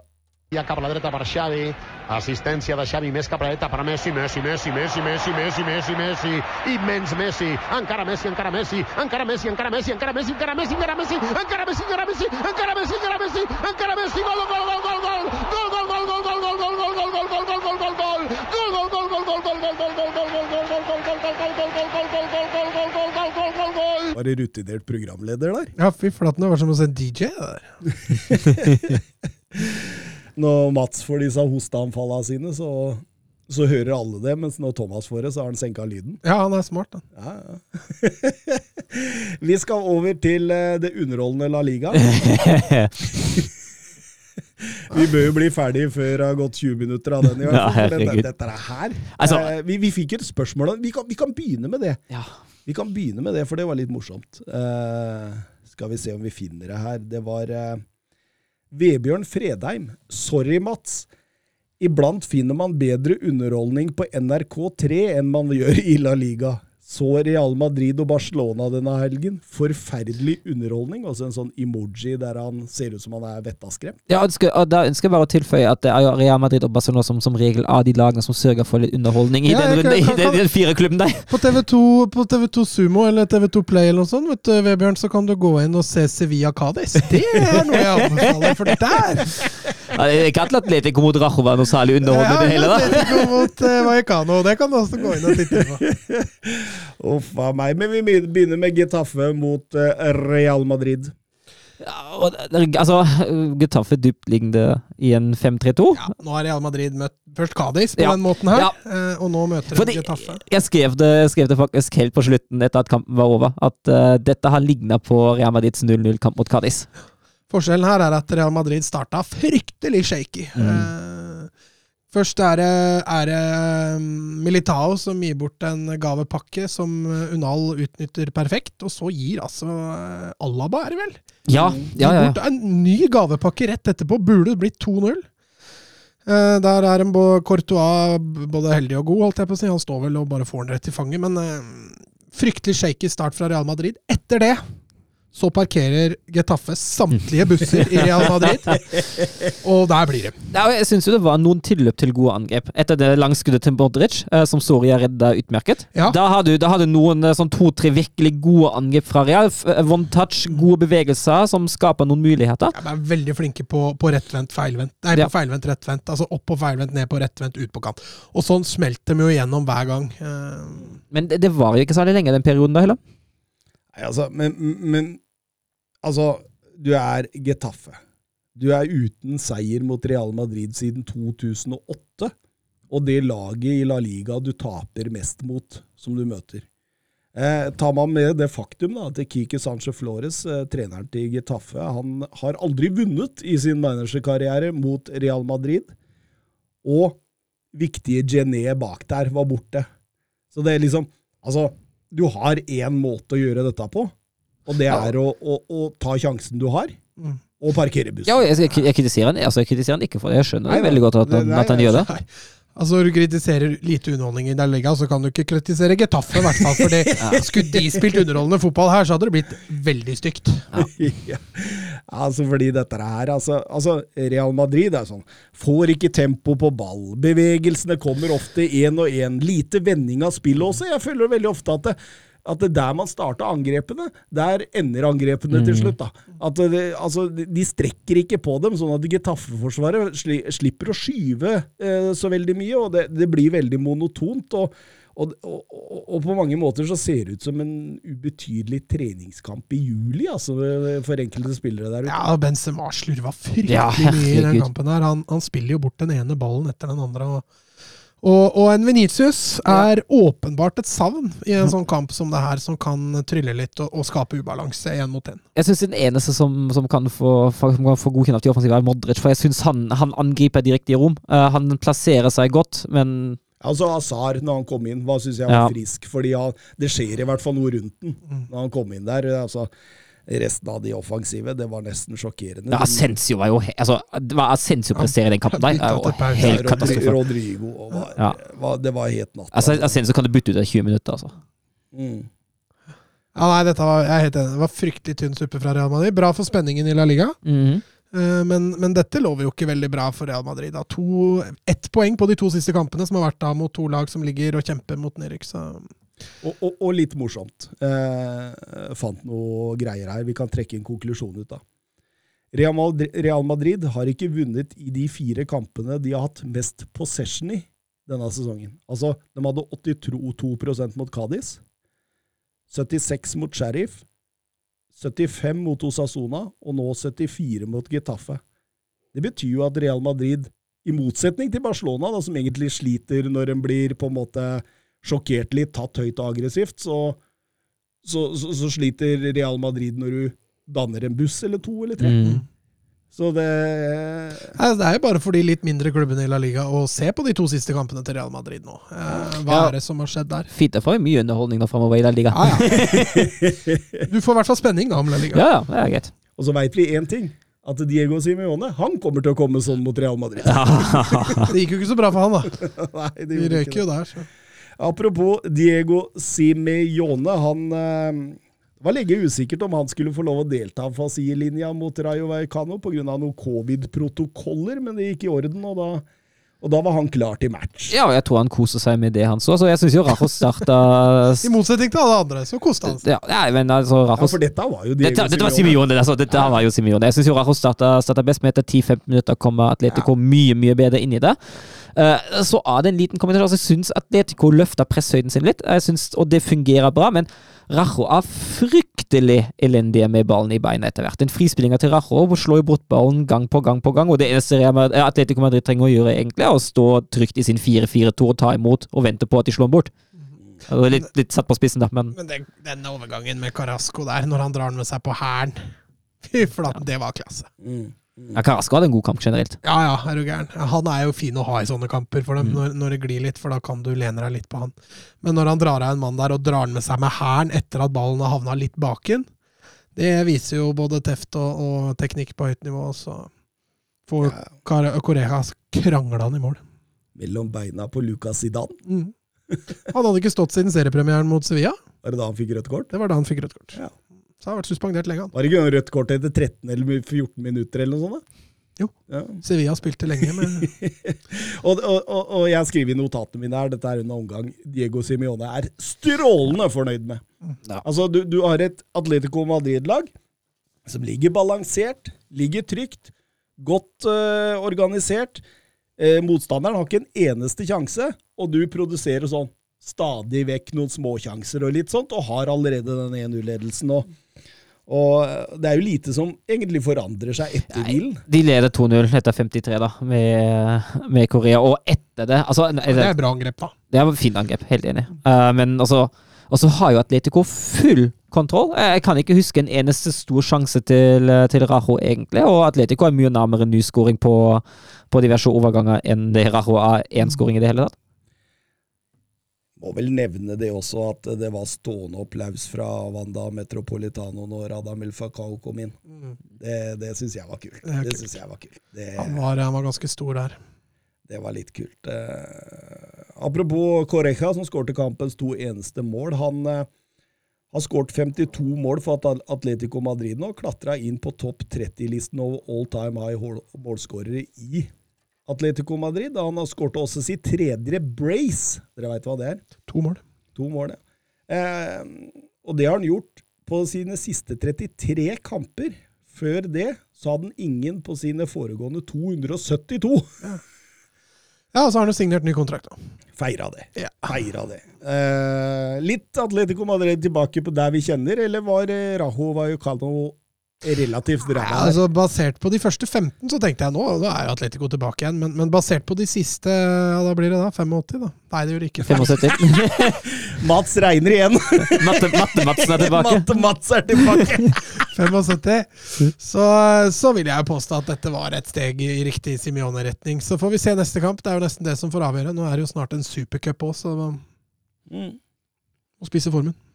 Mallorca mot eh, Barcelona. Barcelona hadde så mange skader og covid eh, altså, altså, at det, altså, At de greide å stille lag, det var jo helt utrolig. altså Jeg satt og tenkte på det når jeg så den lagoppstillinga. Altså, svakere Barcelona-elver tror jeg jeg aldri i min levetid har sett. Nei, men de svakere før det er jo nylig du har sett, da. Ja, jo, jo?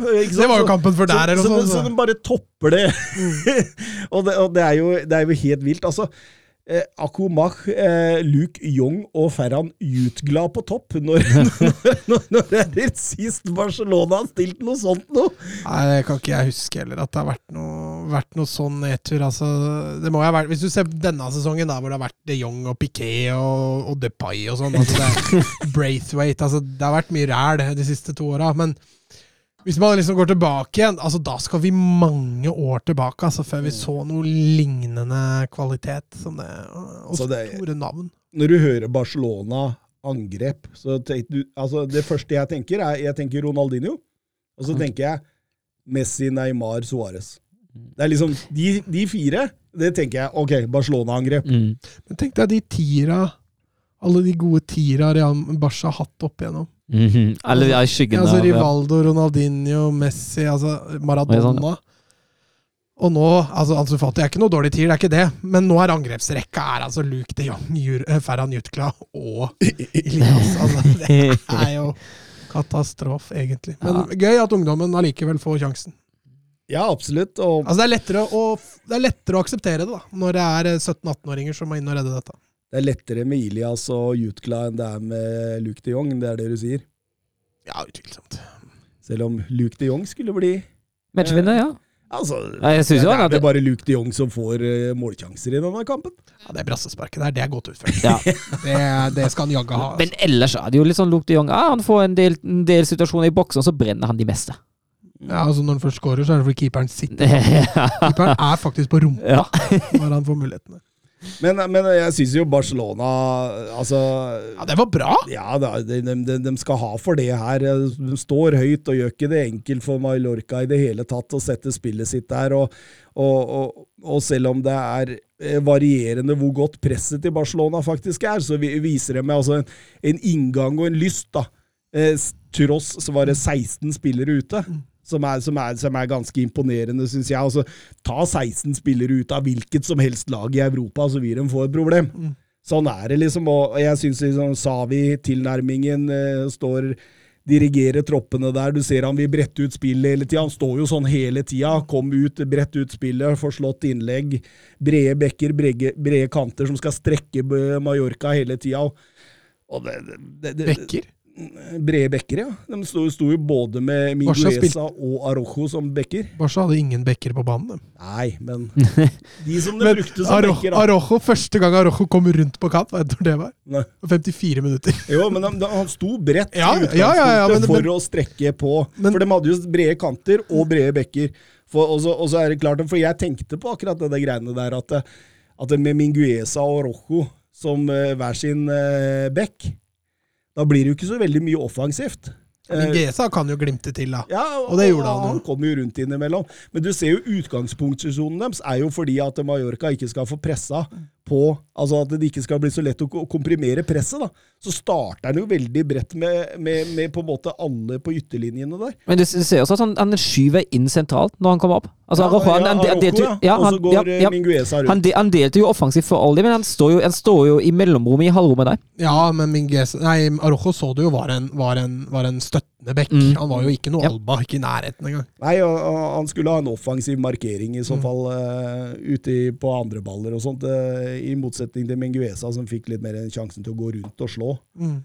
Men, ja, det var eh, jo han som fikk assisten nå. Mm. Ja, på Luke de Jong. Han, ja, stemmer det. Stemmer det, faktisk. Uh, rager høyest der, Luke de Jong. Ja, men Reina, da. Altså, Han sitter jo og sklei. altså, altså Ja, men altså, altså, altså Han skal jo Først skal han ut, og så ombestemmer han seg. Mm. Og så begynner han å sideforskyve, og da går Ja. han på raden. og da blir det jo lett for Luke de Jong når du har åpent mål. Selv han skårer, da. Åttende mål på huet i La Liga. Det er kun Benzema, Ante Bodemir og Enesiri som har flere på hodet siden Luke de Jong kom til La Liga. Tenk det! Tenk det! Ho luftens baron! I Barcelona. Men hvor mange bønn hatt på hodet?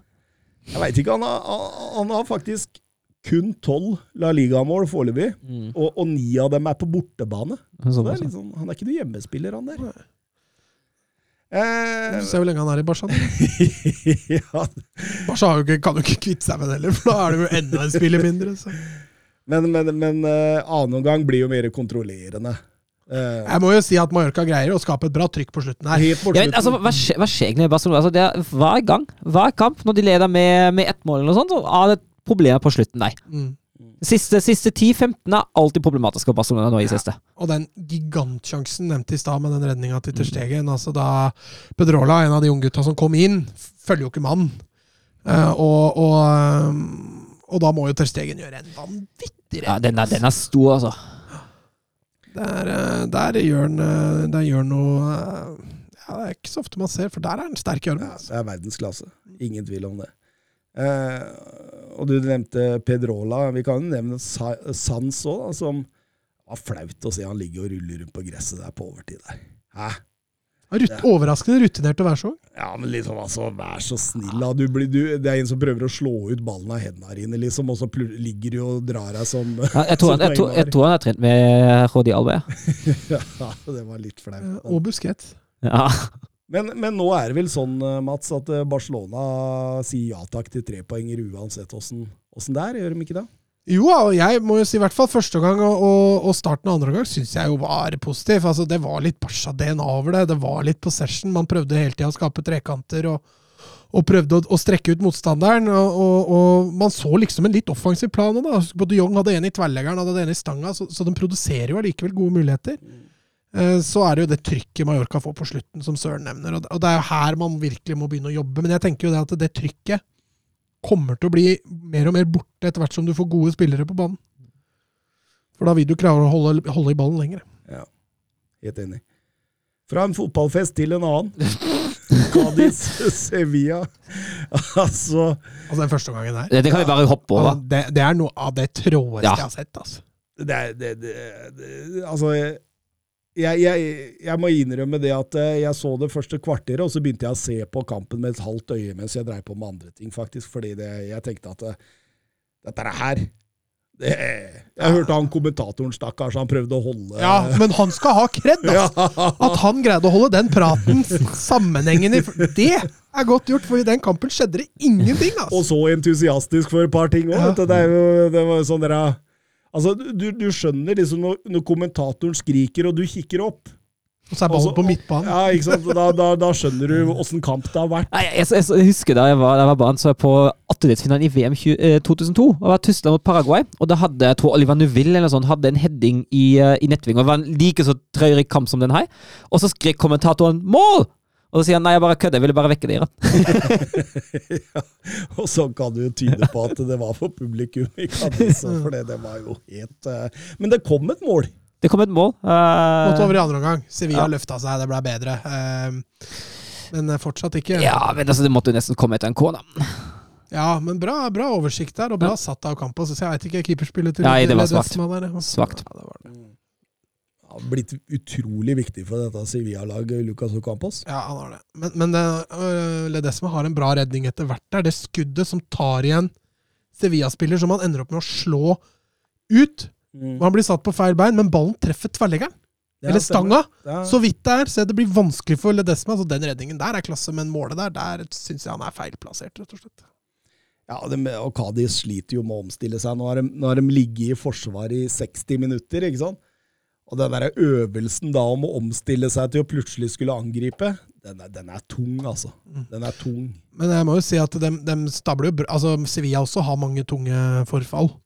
Um, du har jo Nivan Romero som kommer inn, som er altså tredjevalget som spiss, eller noe sånt. Han, han blir jo bare bedre og bedre, da. Jeg må jo si at Ja. han, han ser jo ok ut. Akunya må spille høyreback, og- så, så de, de må jo rokere litt her. eh. Sevilla også, så jeg tror nok uh, Lopetegi er godt fornøyd med 0-1-seier der, altså. 41 poeng på 19 kamper, deres nest høyeste poengsum etter 19 eh, kamper i klubbens La Liga-historie. Eh, kun slått av 16-17-sesonger under Sampaoli. Da hadde de ett poeng mer. Men Sevilla vinner de hengekampen, og så er de faktisk bare to poeng bak. Tenk det. Real Madrid det er ganske spennende. De har også begynt å få luke. Oi, oi, oi, oi. Det skjedde noe også i den Atletic eh, Club-kampen, Mats. Det var en storebror som var lynende forbanna på at lillebror ble tatt der. Chumi Avila. Ja, den taklinga der var eh, Den var ikke bra, ass. Eh, Når du ser den i slow motion fra sida, så ser den helt grusom ut. Altså. Ja. Så jeg skjønner at, eh, at han reagerte på det godeste Inyaki. For det så ikke bra ut. Nei, absolutt ikke. Og hva skjedde i Betis? eh? Nei, Betis gikk på en smell. eh, mot Celta. Jago Aspas hadde jo en, en herlig goal, det må nevnes. Uh, og så hadde han en straffeskåring. Så litt kjipt for Betis, for de lå jo også veldig godt an. Nå ble det plutselig, uh, i og med at både Atletico og Barca vant, så var det egentlig Betis uh, og Rayo Vallecano i toppen der som kom dårligst ut. Sociedad også gikk jo på, leda jo lenge mot Alaves, men, men røyk på, på et straffespark på slutten der. og Tapper sånn sett litt terreng i forhold til den Champions League-plassen, men nå, akkurat nå så er jo både tredje- og fjerdeplassen fortsatt veldig åpen i La Liga. Så spenningen lever om det, i hvert fall. Spenningen lever i La Liga, Søren. Fint at noe lever i La Liga. Eh, eh, Svare på litt Twitter-spørsmål og litt rykter før vi gir oss, eller? Ja. Eh, vi kan jo begynne med Everton. Jeg har henta Mikolenko. Den er klar. Ja, Det nevnte du jo sist. Det blir spennende. Ja, det var vel, han var jo bare rykta sist. Han var Ja, vel Men du nevnte ja. at han var rykta. Mm. Eh, og nå melder eh, Fabrizio Romano at Nathan Patterson kommer inn på høyrebekken. Det er en 20-åring som, som eh, kommer det- fra Rangers. Den er også klar. Er den klar nå, ja? Ja. ja? For han var på medical når jeg kikka tidligere i dag. Og Luca Dign, han er Altså Everton vil ikke låne, de vil selge den ut. Ja, for- skjønner jo det. Og Ja. De utsetter bare opplevelsen ned hvis de låner den. Inter har forsøkt seg, men de ønska bare et lån. Chelsea ønsker også, egentlig bare et lån, men der ser det ut som det er eh, ting på gang. Så, men det har vi jo snakka om, at det, det kan jo være gull det for Chelsea, det. Eh, Petter Støvland, ryktene om at Lukaku vil gjenforenes med Konto, hvor seriøst tror dere det er? Jeg, nå leste jeg i dag at han uh, sa unnskyld for det intervjuet, innrømmet at det var en feil, og ikke tenker seg noen sted de neste to overgangsvinduene. De neste, just- og de neste to. Altså i, nå den og sommeren. Da, nå har, da, si, uh, Som Så et vel- år, da, så kan han tenke seg å dra. Ja, jeg veit ikke. Det var fra Sky, Sky Sports i England som meldte det der. Ja, altså At Tottenham Altså- altså- skulle ha penger til å hente Lukaku nå, det er jo totalt. Ja, altså, det er jo ikke der skoen Nei, heller. ja, det er det jeg tenker. Hva skal, hva skal Tottenham med Lukaku? Skal de benke Kane? da, Eller? Eh, fortsatt ingen nyheter rundt ny kontrakt for Rudiger. Eh, Real Madrid, PSG, Bayern München og Juventus snakker alle med agentene hans i denne tiden. Jeg leste også at Real Madrid har meldt seg litt ut av den kampen. Oi, oi, oi, så da står man mellom tre i så fall. Hvor er det du tror han går, da, Søren? Hvis du skulle bare tatt et sånn kvalifisert tips. Av PSG, Bayern og uh, Juventus. åh. Juventus Jeg, jeg, jeg veit ikke hvor mye han ønsker seg hjem, for, men altså, hvis han ønsker seg tilbake til Tyskland, tenker jeg Bayern er jo et godt alternativ. Ja. Og det hadde vært bra for Bayern, tror jeg. Det tror jeg òg. Er jo Og verre for de andre Ja. 17 Bundesliga-klubbene. Jeg kommer til å bli dødsirritert to ganger i året når jeg, når jeg møter ham, da. Ja, helt klart, helt klart. Han hadde vel noen tjuvtriks i helga òg. Ja, Rev han ikke opp hansken til Kelleher? Det er helt sykt. Han spiller på de strengene han kan. Altså. Eh, Aspi Cuelta han eh, er muligens på vei til Atletico Madrid for å erstatte Trippier, og Christensen han ble vanskeligere i kontraktforhandlingene når han hørte om Barcelona-interessen. så Det ser ut som Chelsea må på stoppejakt i sommer. Ja, men det tror jeg de hadde dratt på uansett. Det bare spørs hvor omfattende det blir. Jeg tipper jo at uh, Kondé-interessen ikke er helt, uh, helt slukket ennå. Trippier er så klar som på Newcastle. Okay? Mm. Ja. Det, det er tolv 12 millioner pludd add-ons. Det var ikke voldsomt, men han begynner vel å bli en rutinert mann. Ja, så har han vel bare ett og et halvt år igjen av kontrakta si, hvis ikke jeg tar litt feil. Eh, Didrik Tofte Nilsen på Twitter. Er Sven Båtmann verd 60 millioner, eller er det Newcastle-pris fra Lill? Nei, altså han har jo altså Det er jo Newcastle-pris. Altså Premier, League-lagene må jo ekstra ut, og særlig Special price for you. Special Altså Jeg tipper jo at, uh, at Lill har én pris for for ikke Premier League, og så én pris for Premier League, og så en ekstra pris for, for lag som Newcastle. Men altså på en annen side, det er jo en, det er jo en stopper som er 21 år, har kontrakt til uh, sommeren 2025. Uh, så at man må ut med litt penger der, det er jo det er ikke overraskende. det. Newcastle jobber knallhardt for å få han. Det er, det er liksom stopperen de går for. Ja, nå har jeg ikke sett eh, Han har jo ikke vært så sterk i år, men i fjor hadde han jo en vanvittig sesong, så potensialet der er ganske høyt. 60 mil er jo en liten gambling, da. Mm. Ja, absolutt. Eh, Newcastle har vi bydd 35 foreløpig, så vi får se hvordan dette går. Det er jo et Lill da, som sliter litt økonomisk. Eh, Måtte jo levere fra seg Ikoné òg, før kontrakta hans gikk ut for kun 15 til eh, Fiorentina her. Så Og den også er klar. den er klar. Eh, og, og Renato Sanchez kan være på vei til AC Milan. Så dette gode Lill-laget som Galtier og Luis Campos eh, bygde og vant serien med, kan jo gå helt i oppløsning. Det. Ja, de må vel erstatte Kessi, så det er vel det Sanchez er tenkt som, tenker jeg. det kan jeg tenke meg at det Det er vel ikke en unormal link, det, Søren? Nei, Enig. Det passer jo med tanke på rollen og hvordan spilleren er. jo. Mm. Eh, Max Allegri har gitt Aaron Ramsey beskjed om å finne seg en ny arbeidsgiver. Det kan fort bli Newcastle. Mm. Eh, Everton eh, er også interessert der, så det blir spennende å se. Så kan vi få en ny nordmann i Serie A. Veit dere hvem jeg tenker på da? Østigård. Østigård er sett på flyplassen i Genoa. Skal være med å snu eh, Genoa-skruta som Sjevtsjenko ikke helt klarte da han kom, i hvert fall. Det ble ikke noe Sjevtsjenko-effekt. Det ble det ikke. Eh, men men eh, Genoa er lysten på å, å, å eh, kjøpe litt spillere her nå. Eh, Kommer et par inn på lån muligens òg. Miranchuk fra Atalanta og Pjontek fra Hertha Berlin. Og da er jo Pjontek tilbake der han, Starta. der han herja som verst, Mats. Der han blei et navn i Europa. Mm. Eh, Hva tenker du om det, Søren? Jeg, jeg tenker jo kan jo passe ham, passe ham greit, da. Han har jo ikke overbevist noen andre steder enn i Genoa. Nei, det er vel kanskje på tide å, å, å gjøre det. Nisselue på, han spør er Søren skuffa over at Ricardo Pepi glapp for Wolfsburg. Ja, det har jeg. Eh, 16 millioner euro for en 18-åring. Det virker litt som om uh, godeste Schmatke nok en gang var litt for gjerrig, uh, dessverre. Og det er Jeg syns han har vært uh, innimellom altfor tilbakeholdne på overgangsmarkedet. Og det er klart at 16 millioner euro for en 18-åring, det er mye penger. Men det er det topptalenter koster nå til dags. Du finner ikke lenger topptalenter som ingen andre har oppdaget et eller annet ukjent sted i verden, så du må nesten punge ut hvis du vil ha de største talentene. Sånn, eh, sånn er det. Og ja, den, eh, den svir litt, må jeg innrømme. Så har han jo gått til Augsburg nå, Augsburg som, eh, som faktisk har en amerikansk investor, som sikkert gjorde den lenken der litt lettere. Det kan jeg tenke meg, og til Augsburgs også, som på en måte sliter litt ned i sumpa der, men Ja. som har vist litt stigende form i det siste. Mm. Og, og, sliter litt med å, å, sette den siste spikeren i kista. altså Toppskåreren i klubben er Florian Niederlechner med tre mål. Ja, så det er klart at de har, de har behov, da. Det behoves en målskårer i Augsburg, Mats. Mm. Men tror du han hadde Jeg tror kanskje han får mer spilletid der enn han hadde Det, fått det, det tror jeg òg, Ja, definitivt. så det kan jo ligge litt i, i, i det, det òg. Men han, han hadde kanskje tjent bedre i Wolfsburg? Det hadde han, hadde han sikkert. Samtidig, men samtidig er jo uh, Lukas matcha ut en uh, liten stund nå. Og det er jo egentlig bare uh, Bielek er jo tilbake nå, men han har jo slitt Han har hatt uh, korsbåndskade, så det tar jo litt tid før han er helt, helt uh, tilbake. Så ja. Mats, vi må snakke litt Barcelona. Eh, så du i intervjuet med Laporta? Ja, han skulle begynne å cashe ut nå. Ja, han, skrev, han ble spurt om eh, Erling Braut Haaland. Og da sier han at eh, vi skal bygge et topplag.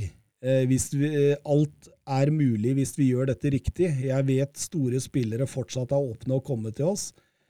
Så vi er i gang med å gjenbygge vår status. Eh, veldig generelt, det, men samtidig eh, det er en president som ikke avfeier det.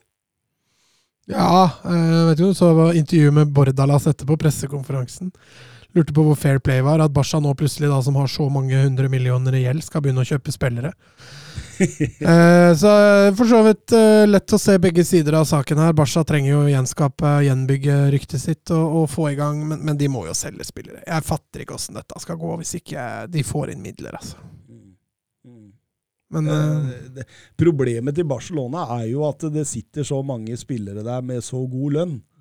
Altså at de, altså, de er litt i Aubameyang-fella, da, som Mm. Arsenal er nå. At det, det, altså, det, det går ikke an å kvitte seg med den om man ikke på en måte blir enige om å av, altså betale deler av lønna over en viss periode og sånt. Og det, det er jo heller ikke heldig, så eh, Nei, det der, der eh, Det spørs hvem som går ut her, da. Det, altså, blir rykta flere spillere inn enn ut for tida. Ja, det er litt merkelig. Eh, Så dårlig råd som de egentlig har. Men jeg, jeg tenker jo, når jeg sa vel det sist, og når de henta Ferran Torres, at det må jo ligge noen avtaler der på spillere ut eller ellers, så skjønner jeg ingenting. Altså Coutinho, Titi eh, Det må jo være med flere altså spillere på vei ut. altså. Dembélé, kanskje. Ja, Dembélé. Eh, vi, vi virker som eh, at det siste kontraktsforslaget fra Barcelona ligger på bordet nå, men at håpet begynner å, å svinne hen. Eh, de ønsker ikke å miste han helt gratis, og enkelte kilder i Spania hevder at de har kontakta Manchester United for å høre om en liten bytteavtale allerede i januar med Marcial. Hva hadde du tenkt om det? Ja, gratulerer med ny hjerne, da. Så er det bare å vente på, vente på martial art. Ja, og en annen spiss, Alvaro Morata. Eh, flere som hevder at eh, Savi ønsker han like brennheit som han gjorde med Ferran Torres. At, det, altså at Ja. det eneste nå som hindrer den overgangen allerede i januar, det er at eh, Juventus må ha klar en ny nummer ni. Mm. Tenk det, Mats. Da kan det bli Marcial og Morata. Morata. Og De Jong. Ja, De Jong tror jeg nok er en av de som er ferdig. Ja, det er tror jeg jeg sparer dem litt lønn, men jeg tror ikke han har vært den dyreste utgiften de siste åra. Uh, så, så, men, men Morata for de Jong, det gjør jeg ti dager i uka. Ja. Utvilsomt. Men at han er en stjernesignering, den ser jeg jo ikke helt, da. Uh, jeg må innrømme det. Eh, Naby Keita kan også være et nytt overgangsmål for Barcelona. Ja, kan det hende at Xavi ønsker seg en sånn Keita-type, sånn som Pep Guardiola hadde. Ja. I, i, i, med navn Keita. Ja, han også het Keita. Eh, det var liksom mange Barca-supportere som stussa litt på, men, men han sa jo ettertid Guardiola at Keita var hans moralske kompass hele veien. At Xavi kanskje også ønsker seg en sånn type, da. men det er ikke akkurat midtbanen Barca bør nødvendigvis styrke så kraftig. da. Coutinho ønsker seg vekk. Eh, han ønsker seg ifølge Sport å forlate så fort som mulig, helst i Premier League. Eh, Eller Serie A. eller eh, Serie A, ja. Eh, Juventus, Everton, Arsenal og Tottenham er mulige destinasjoner. Hvor vil den passe best? Serie A. Men altså, jeg, jeg tenker jo også hvis vi snakker om uh, fraværende kreative problem, altså et fravær av kreativitet er et problem i Juventus, kan jo Coutinho faktisk være en spiller som kan hjelpe litt der. Ja, enten der eller Milan hadde jo vært eh, gull for han, tror jeg. Eh, Premier, jeg tror han er litt ferdig, jeg. Så Ja. jeg tror Premier League, det tror jeg ikke jeg, tror, det blir for, jeg tror det blir for kjapt på han. Ja, så han må til Serie A. han. Må til Serie A. Mm. Westham jobber med å få et alternativ til Michael Antonio. Eh, det blir jo veldig mye kamper for denne halvskada, svære sjamarikaneren. Og, eh, og eh, vet du hvem som blir linka nå? Eh, Ganske, ganske også, det, det er litt langt ute i prosessen, dette her. Gabigol. Gabigol, ja. Ja, ja, ja, ja, ja, ja. Gabriel Barbosa. Selveste Interfloppen som har bare bøtta inn med mål i Santos og Flamengo nå i, i noen år. Nå skal han tilbake til Europa og til Westham! det hadde vært kult. Det hadde vært skikkelig kult. Ny flopp der, altså. Ja, du veit jo Westham og, og spisskjøp, vi har jo vært innom det før. det, Ja. ja, nei, de har litt å gå på der, altså. Mm. Westham jobber også med å få hente inn Jesse Lingard tilbake. Jeg må si jeg synes synd på Lingard, jeg. Ja, men altså helt seriøst, liksom. eh, Manchester United ødela han. Og så låner de den ut i Westham hvor han sliter, og så tar de den tilbake, vil ikke selge den. Og så for, er, det, er det for å ødelegge den igjen, liksom? Altså, nå, nå får de like mye spillere Ja, altså, som Donny van de Beek. Altså Enten så trenger de ham, eller så trenger de ham ikke. Hvis de trenger ham, skal de bruke ham. Hvis de ikke trenger ham, skal de slippe ham, tenker jeg. Jeg tror ikke de fikk så mye som de hadde håpa. Nei De, de fikk vel bud fra Westham i sommer, Mm. men de avslo fordi det var for lavt. Og så kom det ingen andre på banen, og så endte det med at de ikke solgte den, og så ble han sittende på benken. Men han går jo gratis i sommeren, så Ja. Så det er vel sikkert eh, greit for han å komme seg unna det greiene der. Mm. Eh, Adama Traoré eh, i sommer ønsket ikke Wolverhampton å selge for enhver pris. Nå vil de lytte til bud, og Tottenham og Westham skal være interesserte. Ja, han har jo ikke akkurat hatt flere målpoeng i år enn de siste åra, så vi får se. tenkte Adama Traoré og Michael Antonio. Står der og glinser, begge to av de der eh, Ja, Det er ingen som får tak i dem. Stemmer det seg at han smører seg inn med vaselin? Ja, vaselin eller babyolje eller et eller annet. At han eh, ikke er så lett Du å ser jo gripe. han glinser jo! Ja. Ja, Så han, må han jo gjør smø- han er jo etter at han smører Han- seg. han inn, gjør det. så. Det er for at folk ikke skal få tatt den Ja. eh, og holdt den igjen. Eller så er det for å se bra ut, da. Det er i hvert fall Du- det du tror det jeg er det? tenker, da. Men eh, den som eventuelt henter for la, la oss si om Conte henter han. Eh, Adama? Ja. Eh, da Han blir det i så fall høyre wingback-rolle, tenker jeg. Mm. Men det er jo, altså Med tanke på, med tanke på innleggskvalitet og målpoeng der, er det egentlig et upgrade. Et upgrade. Nei, men, men, men, men det er det jeg tenker på, da. Eh, altså, Conte som gjorde Victor Moses til en eh, strålende wingback. Men der var det litt mer materiale, da. Ja, men, det, det, det, men poenget mitt Klarer han å altså, Fordi det, det, det Traoré først og fremst trenger, er jo et sluttprodukt. Mhm. Og kan det bli en åpenbaring å, å bytte miljø, klubb, trener? Jo, jo, selvfølgelig kan det. Men nå bytta de jo trener nå i sommer, da. Det hjalp ikke. Uh, å bytte Og, og det blir jo ikke voldsom uh, endring i formasjon heller ved å gå til Tottenham, for der også spiller de med tre skråstrek fembackslinje. Men det er klart, Konto har gjort gull av gråstein før, da, så han er vel kanskje typen som kan snu litt på flissa, men Jeg, jeg sitter og håper det.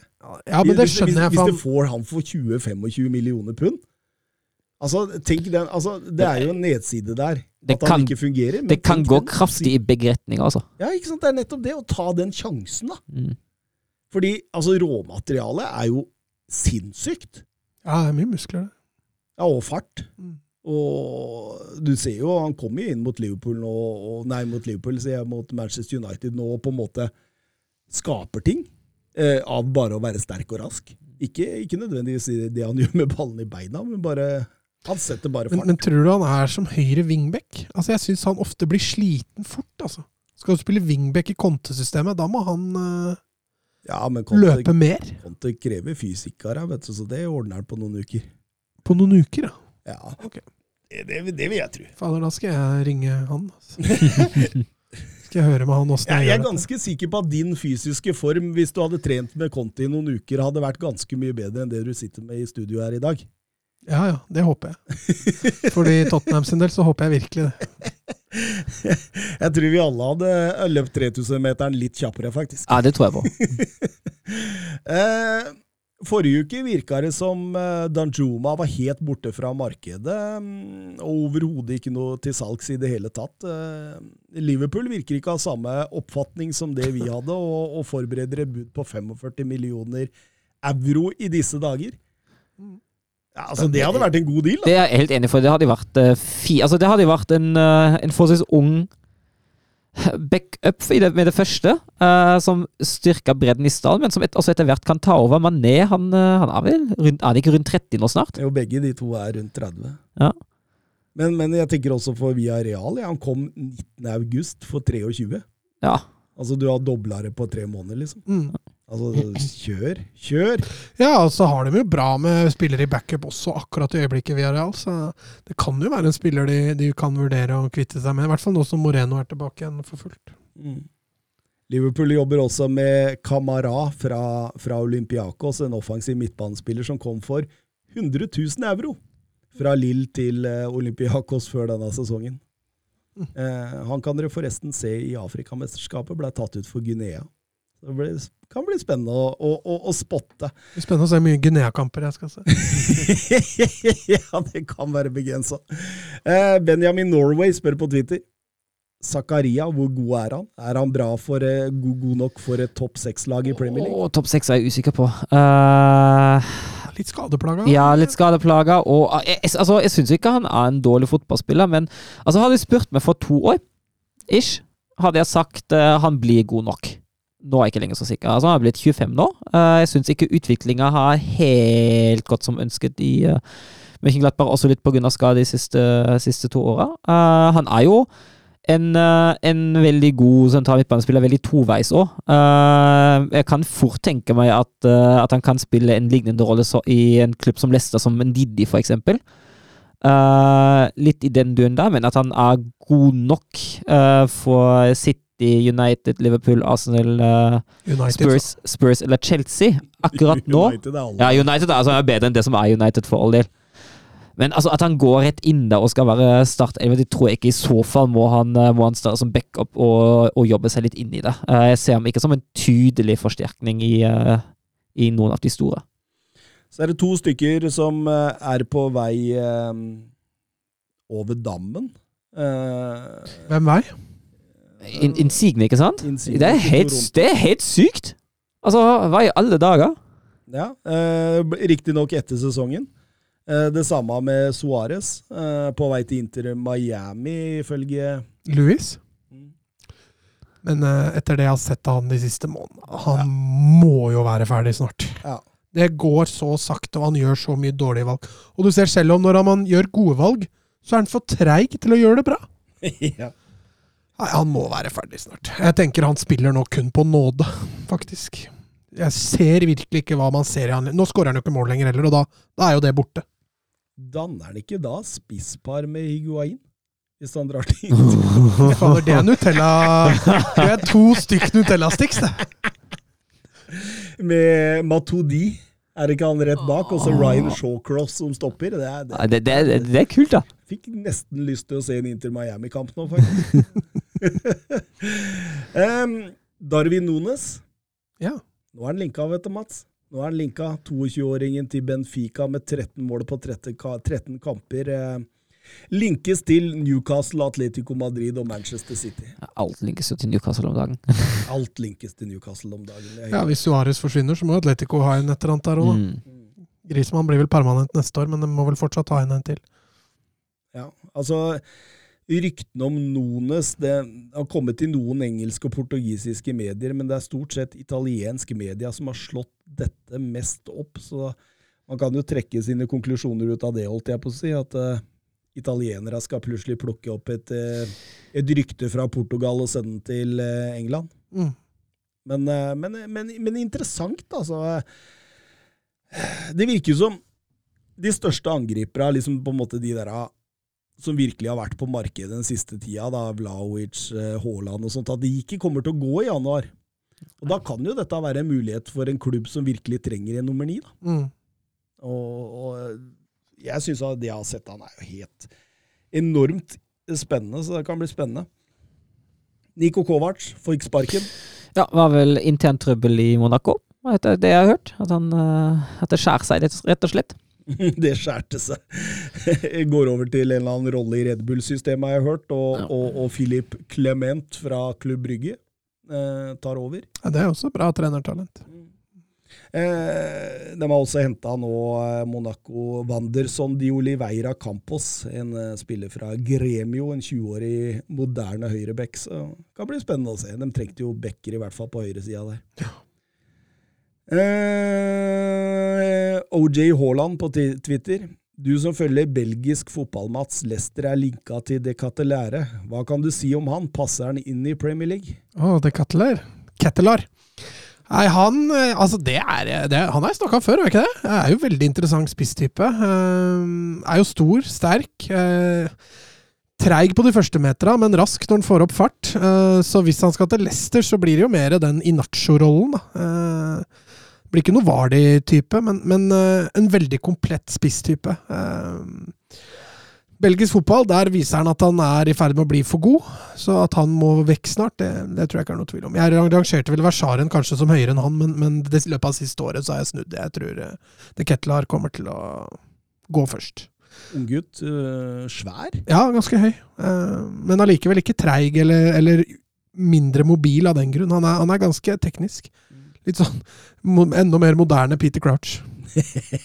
en moderne Peter Crouch. Men han har utseendet mer med seg enn Crouch, da, så han er antageligvis fått pult uansett, hvis han ikke hadde blitt fotballspiller. Å, det er et av de beste sitatene som noen gang har blitt sagt i fotballindustrien, Søren Løkker. Hæ? Peter Crouch eh, hører litt på podkasten hans, og det er jo Gullkorn Ja, det er sitatmaskin, da. Ja, han er fantastisk. Han er fantastisk. En annen som har vært fantastisk, det er kulthelten eh, Ben Brereton Diaz. Nå er han linka vekk, Mats.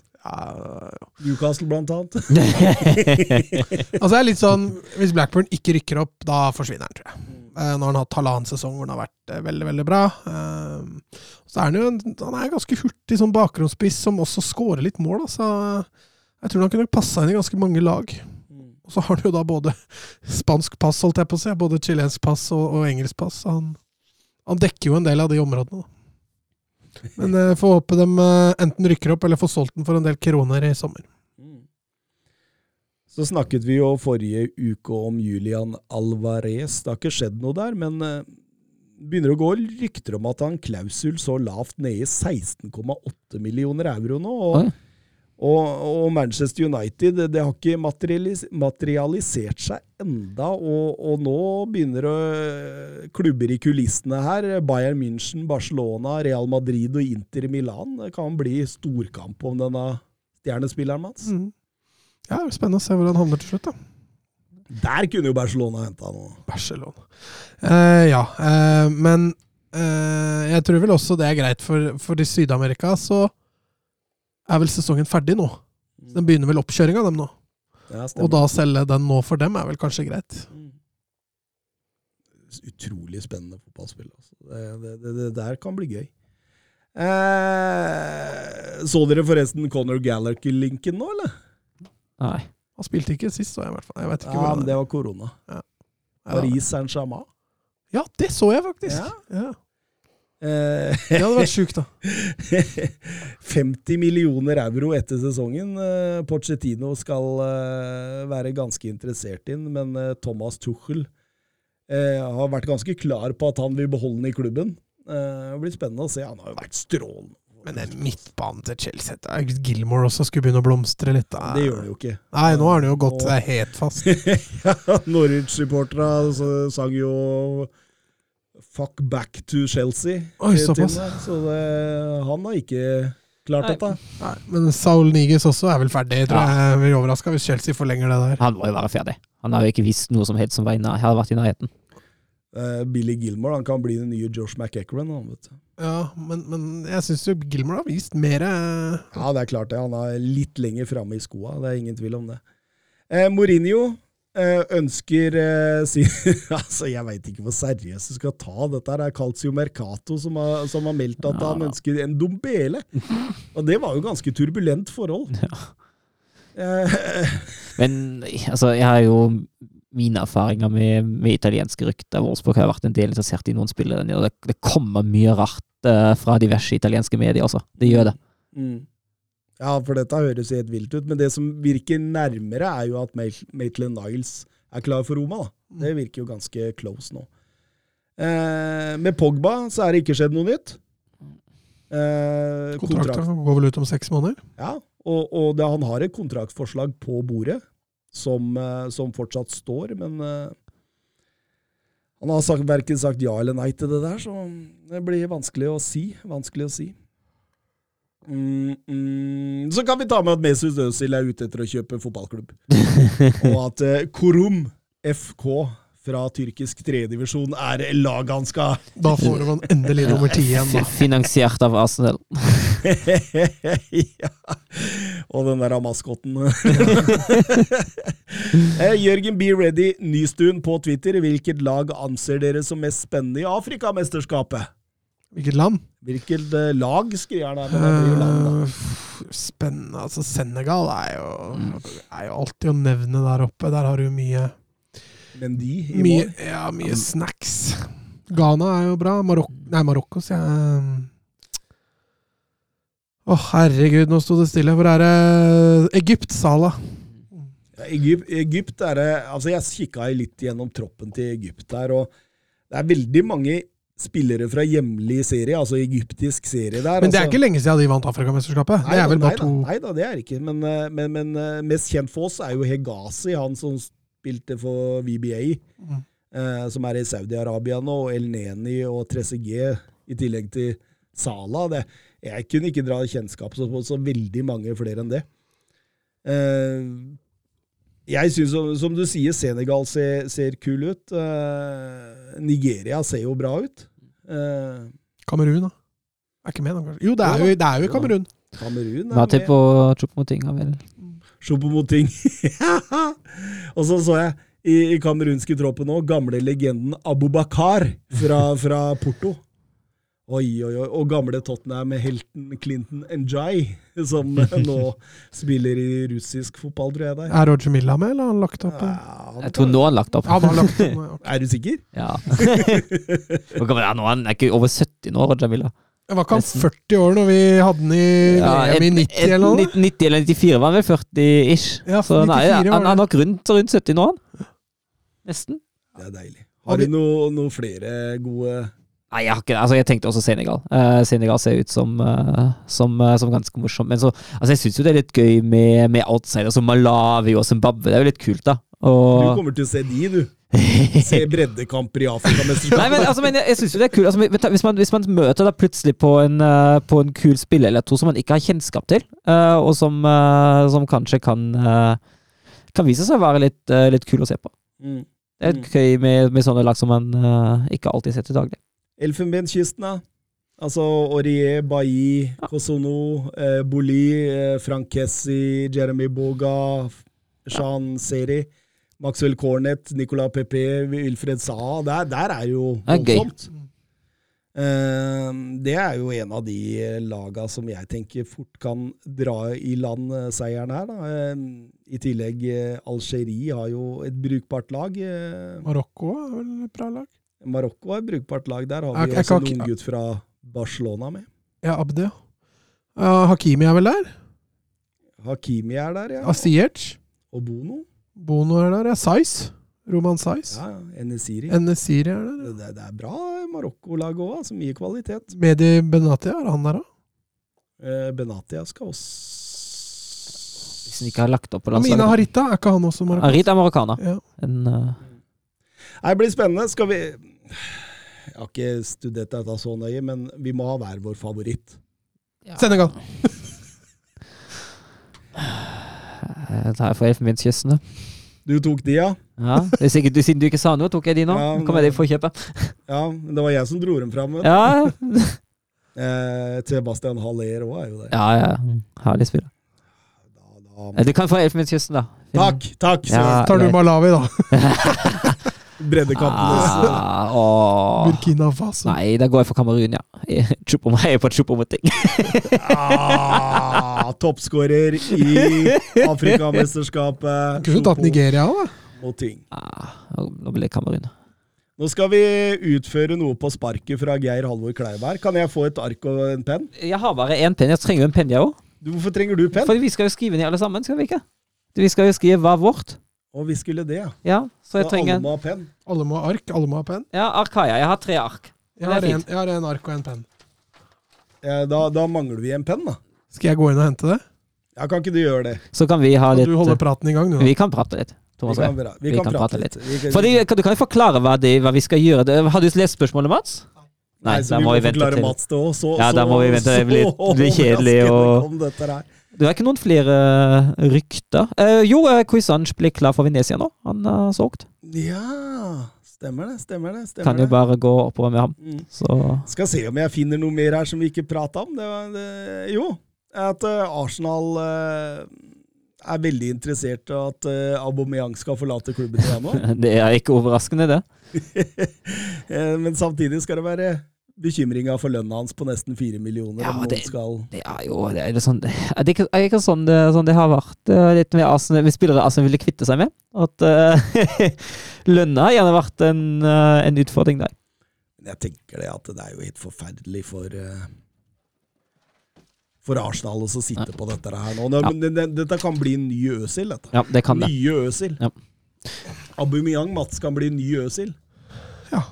Jeg fikk en ny penn. Eller fikk jeg ikke ny, kanskje? Nei, den er brukt. Ja, brukt ja. Ja, men det, det vi, vi kan kalle dette Geir Halvor Kleiva-quiz. En sånn morsom greie. Um, da må dere bare stole på meg at jeg ikke Eller jeg har Jeg må, jeg må koble PC-en til internett via mobilen min. først, før vi får gjøre dette. Fordi vi må bruke Transfermarkt som en uh, fasit. Ja. Spennende. Ja, dette blir faktisk ganske spennende. Um, skal vi se hvis jeg søker. Da kan jeg søke på spillere der oppe. Fint, fint, fint. Ok. Geir Alvor Kleiva.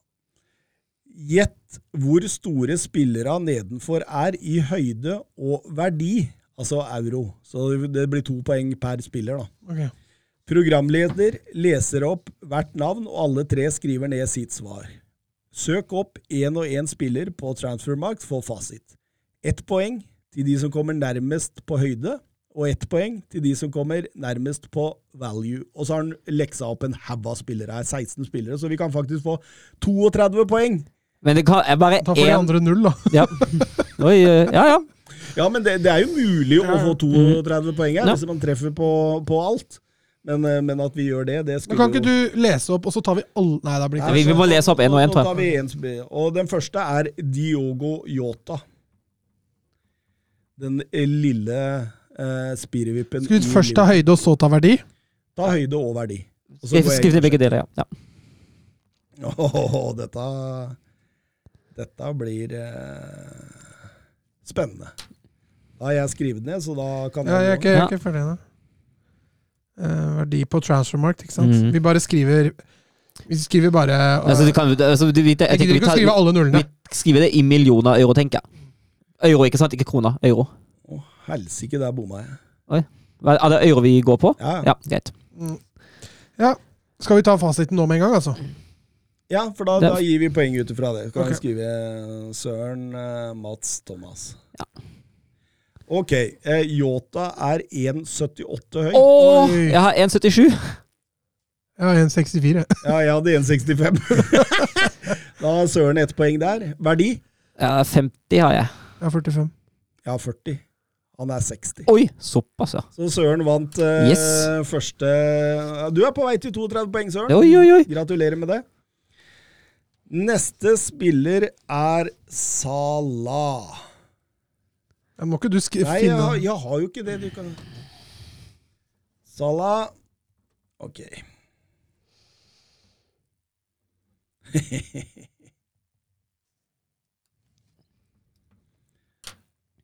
da har jeg skrevet ned, så da kan jeg trykke. Mm.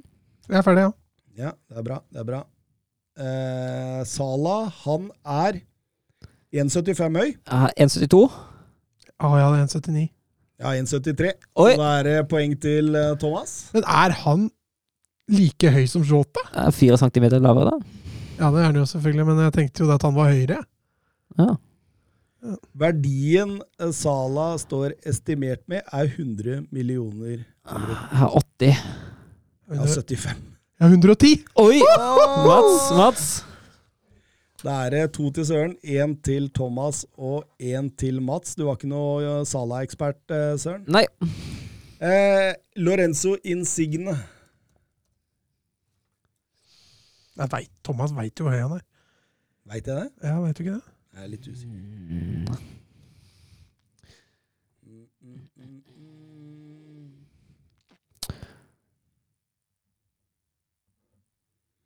Åh, ja.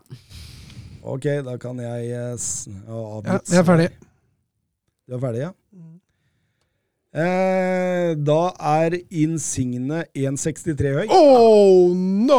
Det var, det var på Jeg har, centimeter. jeg har 1,65.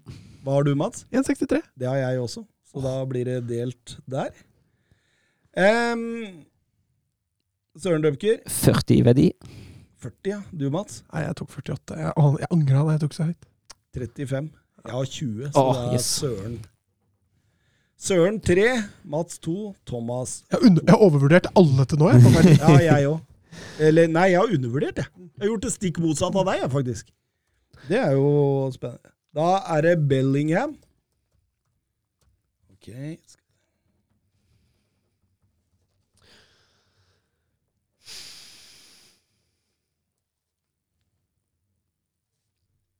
Ja. Dere kan gjerne snakke når dere har avgitt Ja, svar. så- ja jeg har jo avgitt svar. Mm. De Ja, jeg er klar, jeg. Ja, men jeg er Ja. ikke klar. Ja. Men jeg, jeg, jeg vil kjefte på dere. Men ved- ved- din har jeg tror jeg faktisk jeg er ganske sikker på. Den har jeg sett ganske nylig. Ja, da har du flaks, for det har ikke Mm. jeg. Eh, vi kan gå over på Bellingham og se. Da må jeg bare Ja, Høyden, tok jeg litt lavere verdi. høyden, høyden er jeg usikker på. Han er 1,86 høy. Ja, 1,81. Jeg er 1,89. Ja, 1,85. Ja, nice. Da er det ett poeng til meg der. Men kan jeg gjette at han er 75 millioner i verdien? Det er helt riktig. Ja. Jeg skrev egentlig 70, men så gjorde jeg ham til 60, for jeg tenkte nå er jeg undervurdert. Har 70. Men Da ble det Søren-poeng. Eh, jeg, jeg var nære, jeg òg, for å si det sånn. Men. Eh, neste, Luke Shaw. Å, herregud. Jeg gjør bare den klar. Jeg ser ikke gutta. Stoler på deg, Thomas. Det går greit. Shaw Er jeg ferdig? Ja, jo. Jeg er ferdig. Ja, jeg er veldig usikker. Ja, det er jeg òg. Faktisk veldig usikker på Luke Shaw. Eh, begynner med høyden, da. Så er han 1,78 høy. Jeg har 1,83. Nå er jeg 1,74. Og da er du en nærmere enn meg. Oh. Hvis ikke Thomas har noe Jeg har 1,72, Ja. så der bomma jeg. Mats poeng. Eh, verdi? 30 32. Jeg har 45, og han er verd 42. Oi, Så såpass, ja. Ja, ja. da dro jeg eh, på der. Så da er stillinga etter fem spillere. Søren fire, Mats tre, Thomas fire. Oi, oi, jevnt. Det her, altså. Det er gøy. Dette, dette Det er gøy. jevnt. Dette er jevnt. Skal vi se Forresten så oppfordrer Kleiva også lytterne til å, å tippe når vi gjør det. da. Det er litt seigt nå. skal, eh, nei, Elleve spillere igjen, da, så det går jo greit. det er masse, masse å ta enda. Og den første er Marcos Alonso. Oh, den er uh... ja, den er, den er, den Ja. er vrien. Men eh, ja. Enda mer vrien i verdi, føler jeg. Ja, jeg, jeg føler Jeg tror høyde har jeg sånn cirka kontroll på, men uh, verdien er jeg litt usikker på. Ja, jeg har oppgitt uh, Skal vi gå inn og se Ja. på? Ja. Oi, oi, oi. Finner du den? Han er 1,89 høy. Yes! På, på centimeteren. Å, jeg hadde 1,88. Nå har du tatt meg på et par sånne close, ass. Åh, nice. Du har Nei, du, du vil ikke oppgi svaret ditt. Det går bra. Verdi? 12. Jeg har 28. Ja, jeg har 30. 15! Oi! Yes! Da stikker Søren av Nice. Alonso var, Alonso var bra. Det var fint. Alonso er Alonso-fan, du. Ir- irriterer meg at jeg 1 centimeter og 5 millioner i stad. Søren Dupker, nå, nå, nå glir det for deg. Veldig er fint, det. Tiago Silva.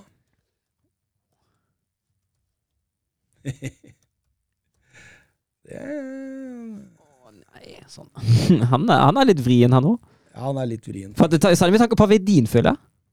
Altså, høyde tror jeg også da har jeg sånn cirka kontroll på, men verdien er litt sånn Sanker på, på alderen og sånt. Ja, den er veldig vanskelig, faktisk. Oi, oi, oi. Fordi altså, de, de, de senker, synker jo i verdi når de er litt Ja, blir. Han er jo såpass gammel at uh... Har alle avgitt svar? Ja. Ja. Skal vi se, skal vi se. Men jeg mener å huske at den ikke var den høyeste jeg har på 1,85, jeg, altså. Du er på 1,85. Ja. Jeg har 1,87. Du har, Mats? 1,92. Han er bare 1,81. Er han så lav, ja? Mm. Ja. Så det er et poeng til Søren Dupkern igjen. Verdi? Jeg har fire. Jeg har 7. Ja, 9. 2,5. Oi, såpass, ja. Nå drar Søren døpt deg oi. her. Chelsea-spillerne, altså. De, eh, du, du har kontroll på dem. de eldre herrene. Eh, de, de eldre herrene. Erling Braut Haaland.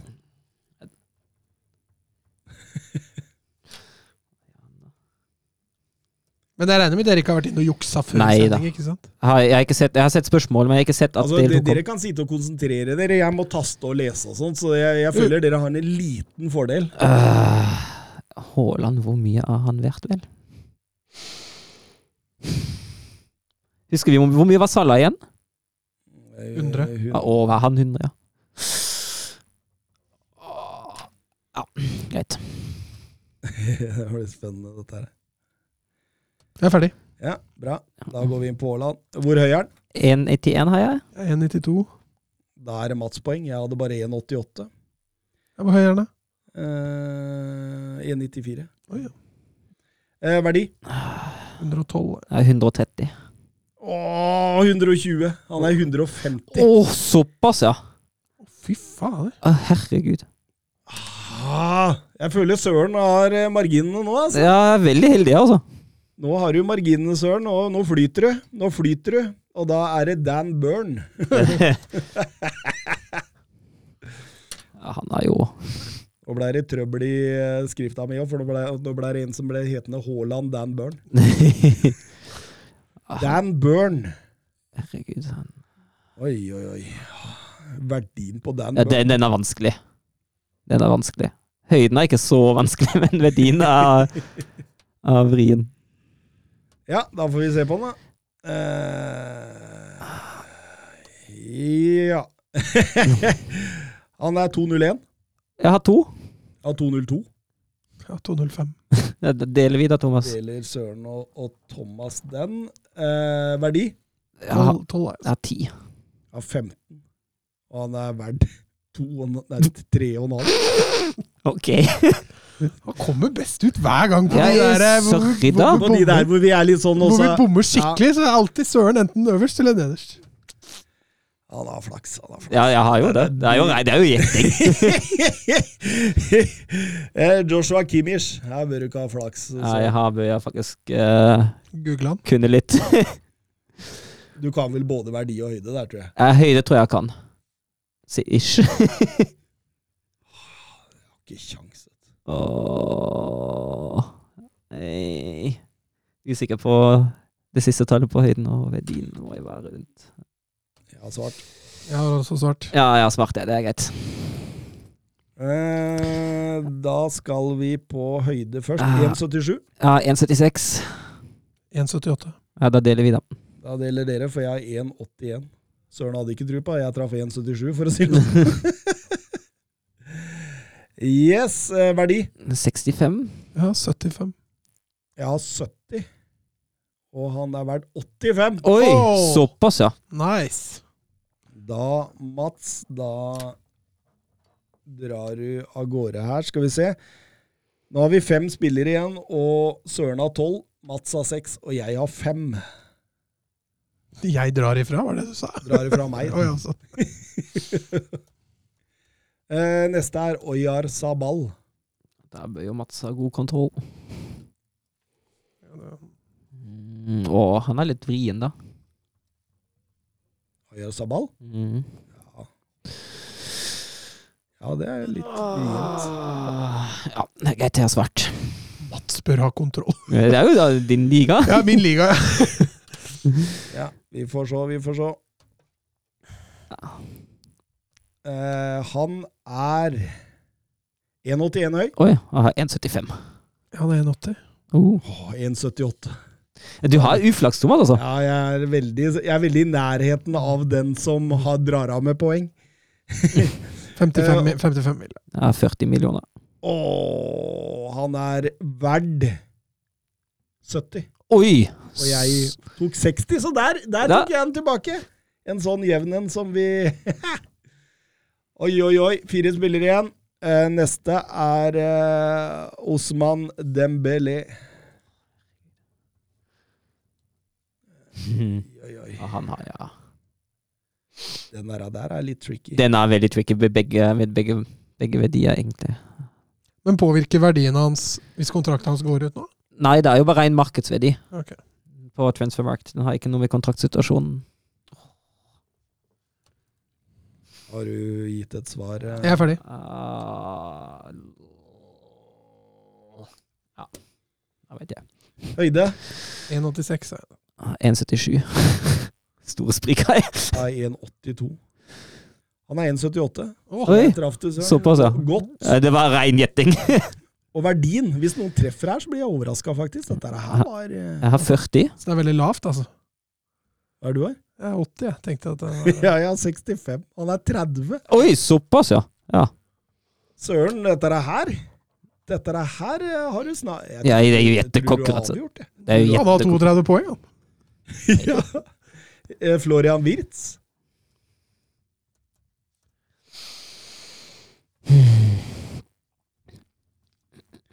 Den er, eh, den er litt Den den er altså litt eh, tricky. jeg, jeg tror jo de verdiene tilpasses på transfermarkt hver sommer og hver vinter, før overgangsvinduet. Mm. Uh, og det har jo mye å si for Wirtz i.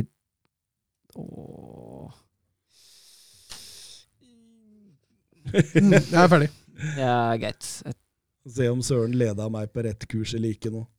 Jeg, jeg, det er i hvert fall et tips. Jeg, jeg, tror, jeg tror de tilpasses. Jeg ser ut som, jeg, ser ut som Søren vi- villeda meg Oi, fullstendig. sorry, da. Det var ikke Hva var din du hadde? Jeg har 50 på Vietz. Jeg har 65. Jeg tok 30, jeg. Ja. Han er verdt 70. Oi, oi, oi, oi, oi. Og høyden har jeg 1,77. Jeg har 1,73.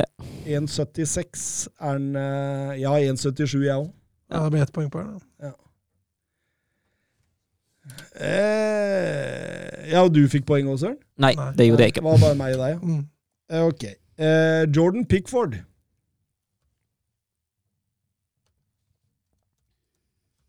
Jordan Pickford. Herregud. Verdien på han, da. Den er tøff, den òg. Mm. Ah, kan vi prøve å se. vent litt, vent litt, Ja, men jeg har svart, så Ah, herregud. få de verdi, da. Ja, greit, da. Han er 1,85 høy. Oi, såpass. Jeg 1,90 1,92, jeg. Jeg er 1,84. Jeg har 1,84. Da blir det Så det er ett poeng hver, fordi han er 1,85 høy. Jeg har 20 i verdi. Jeg tror kanskje det var litt mye. 20 i verdi. Ja, 20 Du tror det er mye? Jeg veit ikke. Oi, er Ja, jeg jeg kan ta lite. Kan ta Ja, lite. 35. jeg. Jeg har 35, jeg òg. Og det svart likt på begge? Ja. Eh, han er 25. Ja, Ok. Så du svarte ikke Jeg trodde kanskje jeg hadde tatt litt høyt. Ja, ja. ja, ja. Det er voldsomt sprik med verdien i Premier League. Altså Den Burn på 2-5 og Pickford på Og det, det, jeg, jeg, jeg Altså, du får ikke Dan Burn for, uh, for uh, 30 mil. Du gjør ikke det, altså. Uh, siste er Val Valverde.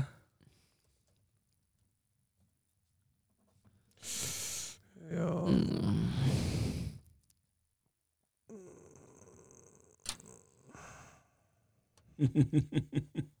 Å, den, den jeg. ja, ferdig. Ja, ok. Høyden til Valverde er 1,82. Jeg har ikke skrevet. Jeg var for tre- treg. Det går fint. 1,82? Ja. Jeg skrev 1,88. Jeg har 1,77. Ja, det får søren regne ut. En åt- hva- en 87 De er litt en- en midt 77. Du har, du har fem unna, Mats er seks unna. Hvis han er 1,82. Hva hvor sa du hvor sånn han var? 1,82? 1,82. Ja, det er 600. Matte-Mats, har du lyst til å Jeg vet i hvert fall at jeg var seks unna, så hvis du er 5, så stoler jeg på det. Ja, vi må bare stole på geniet Dufkern. Eh, value, Mats? 40. 35. Nei, 65. Oi. Jeg har 45, så da stakk jeg av med siste poeng. All right. Og det betyr, i Geir Halvor Kleiva-quiz, så vinner Søren Døpker med 15 poeng foran Fikk Thomas nesten halvparten. på 10 og Mats på 9. Rett eh, etter der, altså. Det var gøy, da. Ja, det er veldig eh, ja. Det er jo tipping, tippelek, da. Ja, det Ja, så det. blei jeg litt stressa når jeg måtte skrive, tippe og søke opp og lese samtidig. Jeg, ble, jeg, jeg følte liksom at det, Fikk det hadde vært så deilig å bare sitte og lent seg tilbake og tenkt. Men vi kunne jo hatt, uh, hatt fasiten etter, etter at du har lest opp. da Da slapp du leitinga. Ja, men samtidig så sto det jo uh, i En og en, ja, det, ja, det var. Geir, Ja, sant Geir Halvor. Kleiva-quiz, det er ikke Ja. Søren Døpke-quiz. Ja, ja, det er altså. greit. Nei, men det var, jo, det var jo litt artig når, når vi først hadde tid. da, Vi, sa- vi snakka jo om det, jeg og Søren her, at hvis vi har tid, eh, så drar vi inn. Eh, Hvis eh, ikke vi har eh, tid, så tar vi det når vi har tid. og, og nå har vi faktisk Nå har vi ganske god tid, Mats, så skal vi dra. Hvis vi har tid, så drar vi inn. Det, Jeg og Søren hadde planlagt før du kom. ja, ja. ja. Så nå må du være med i denne ronka-ringen. ja det, det er greit. Det er jeg som bor her, så jeg må passe på at dette går ordentlig for seg. Nei, Vi er glad i hverandre, altså, men ikke så mye, kanskje. Um, da gjenstår det å si ha det bra. Ha det. Adjø. Messi.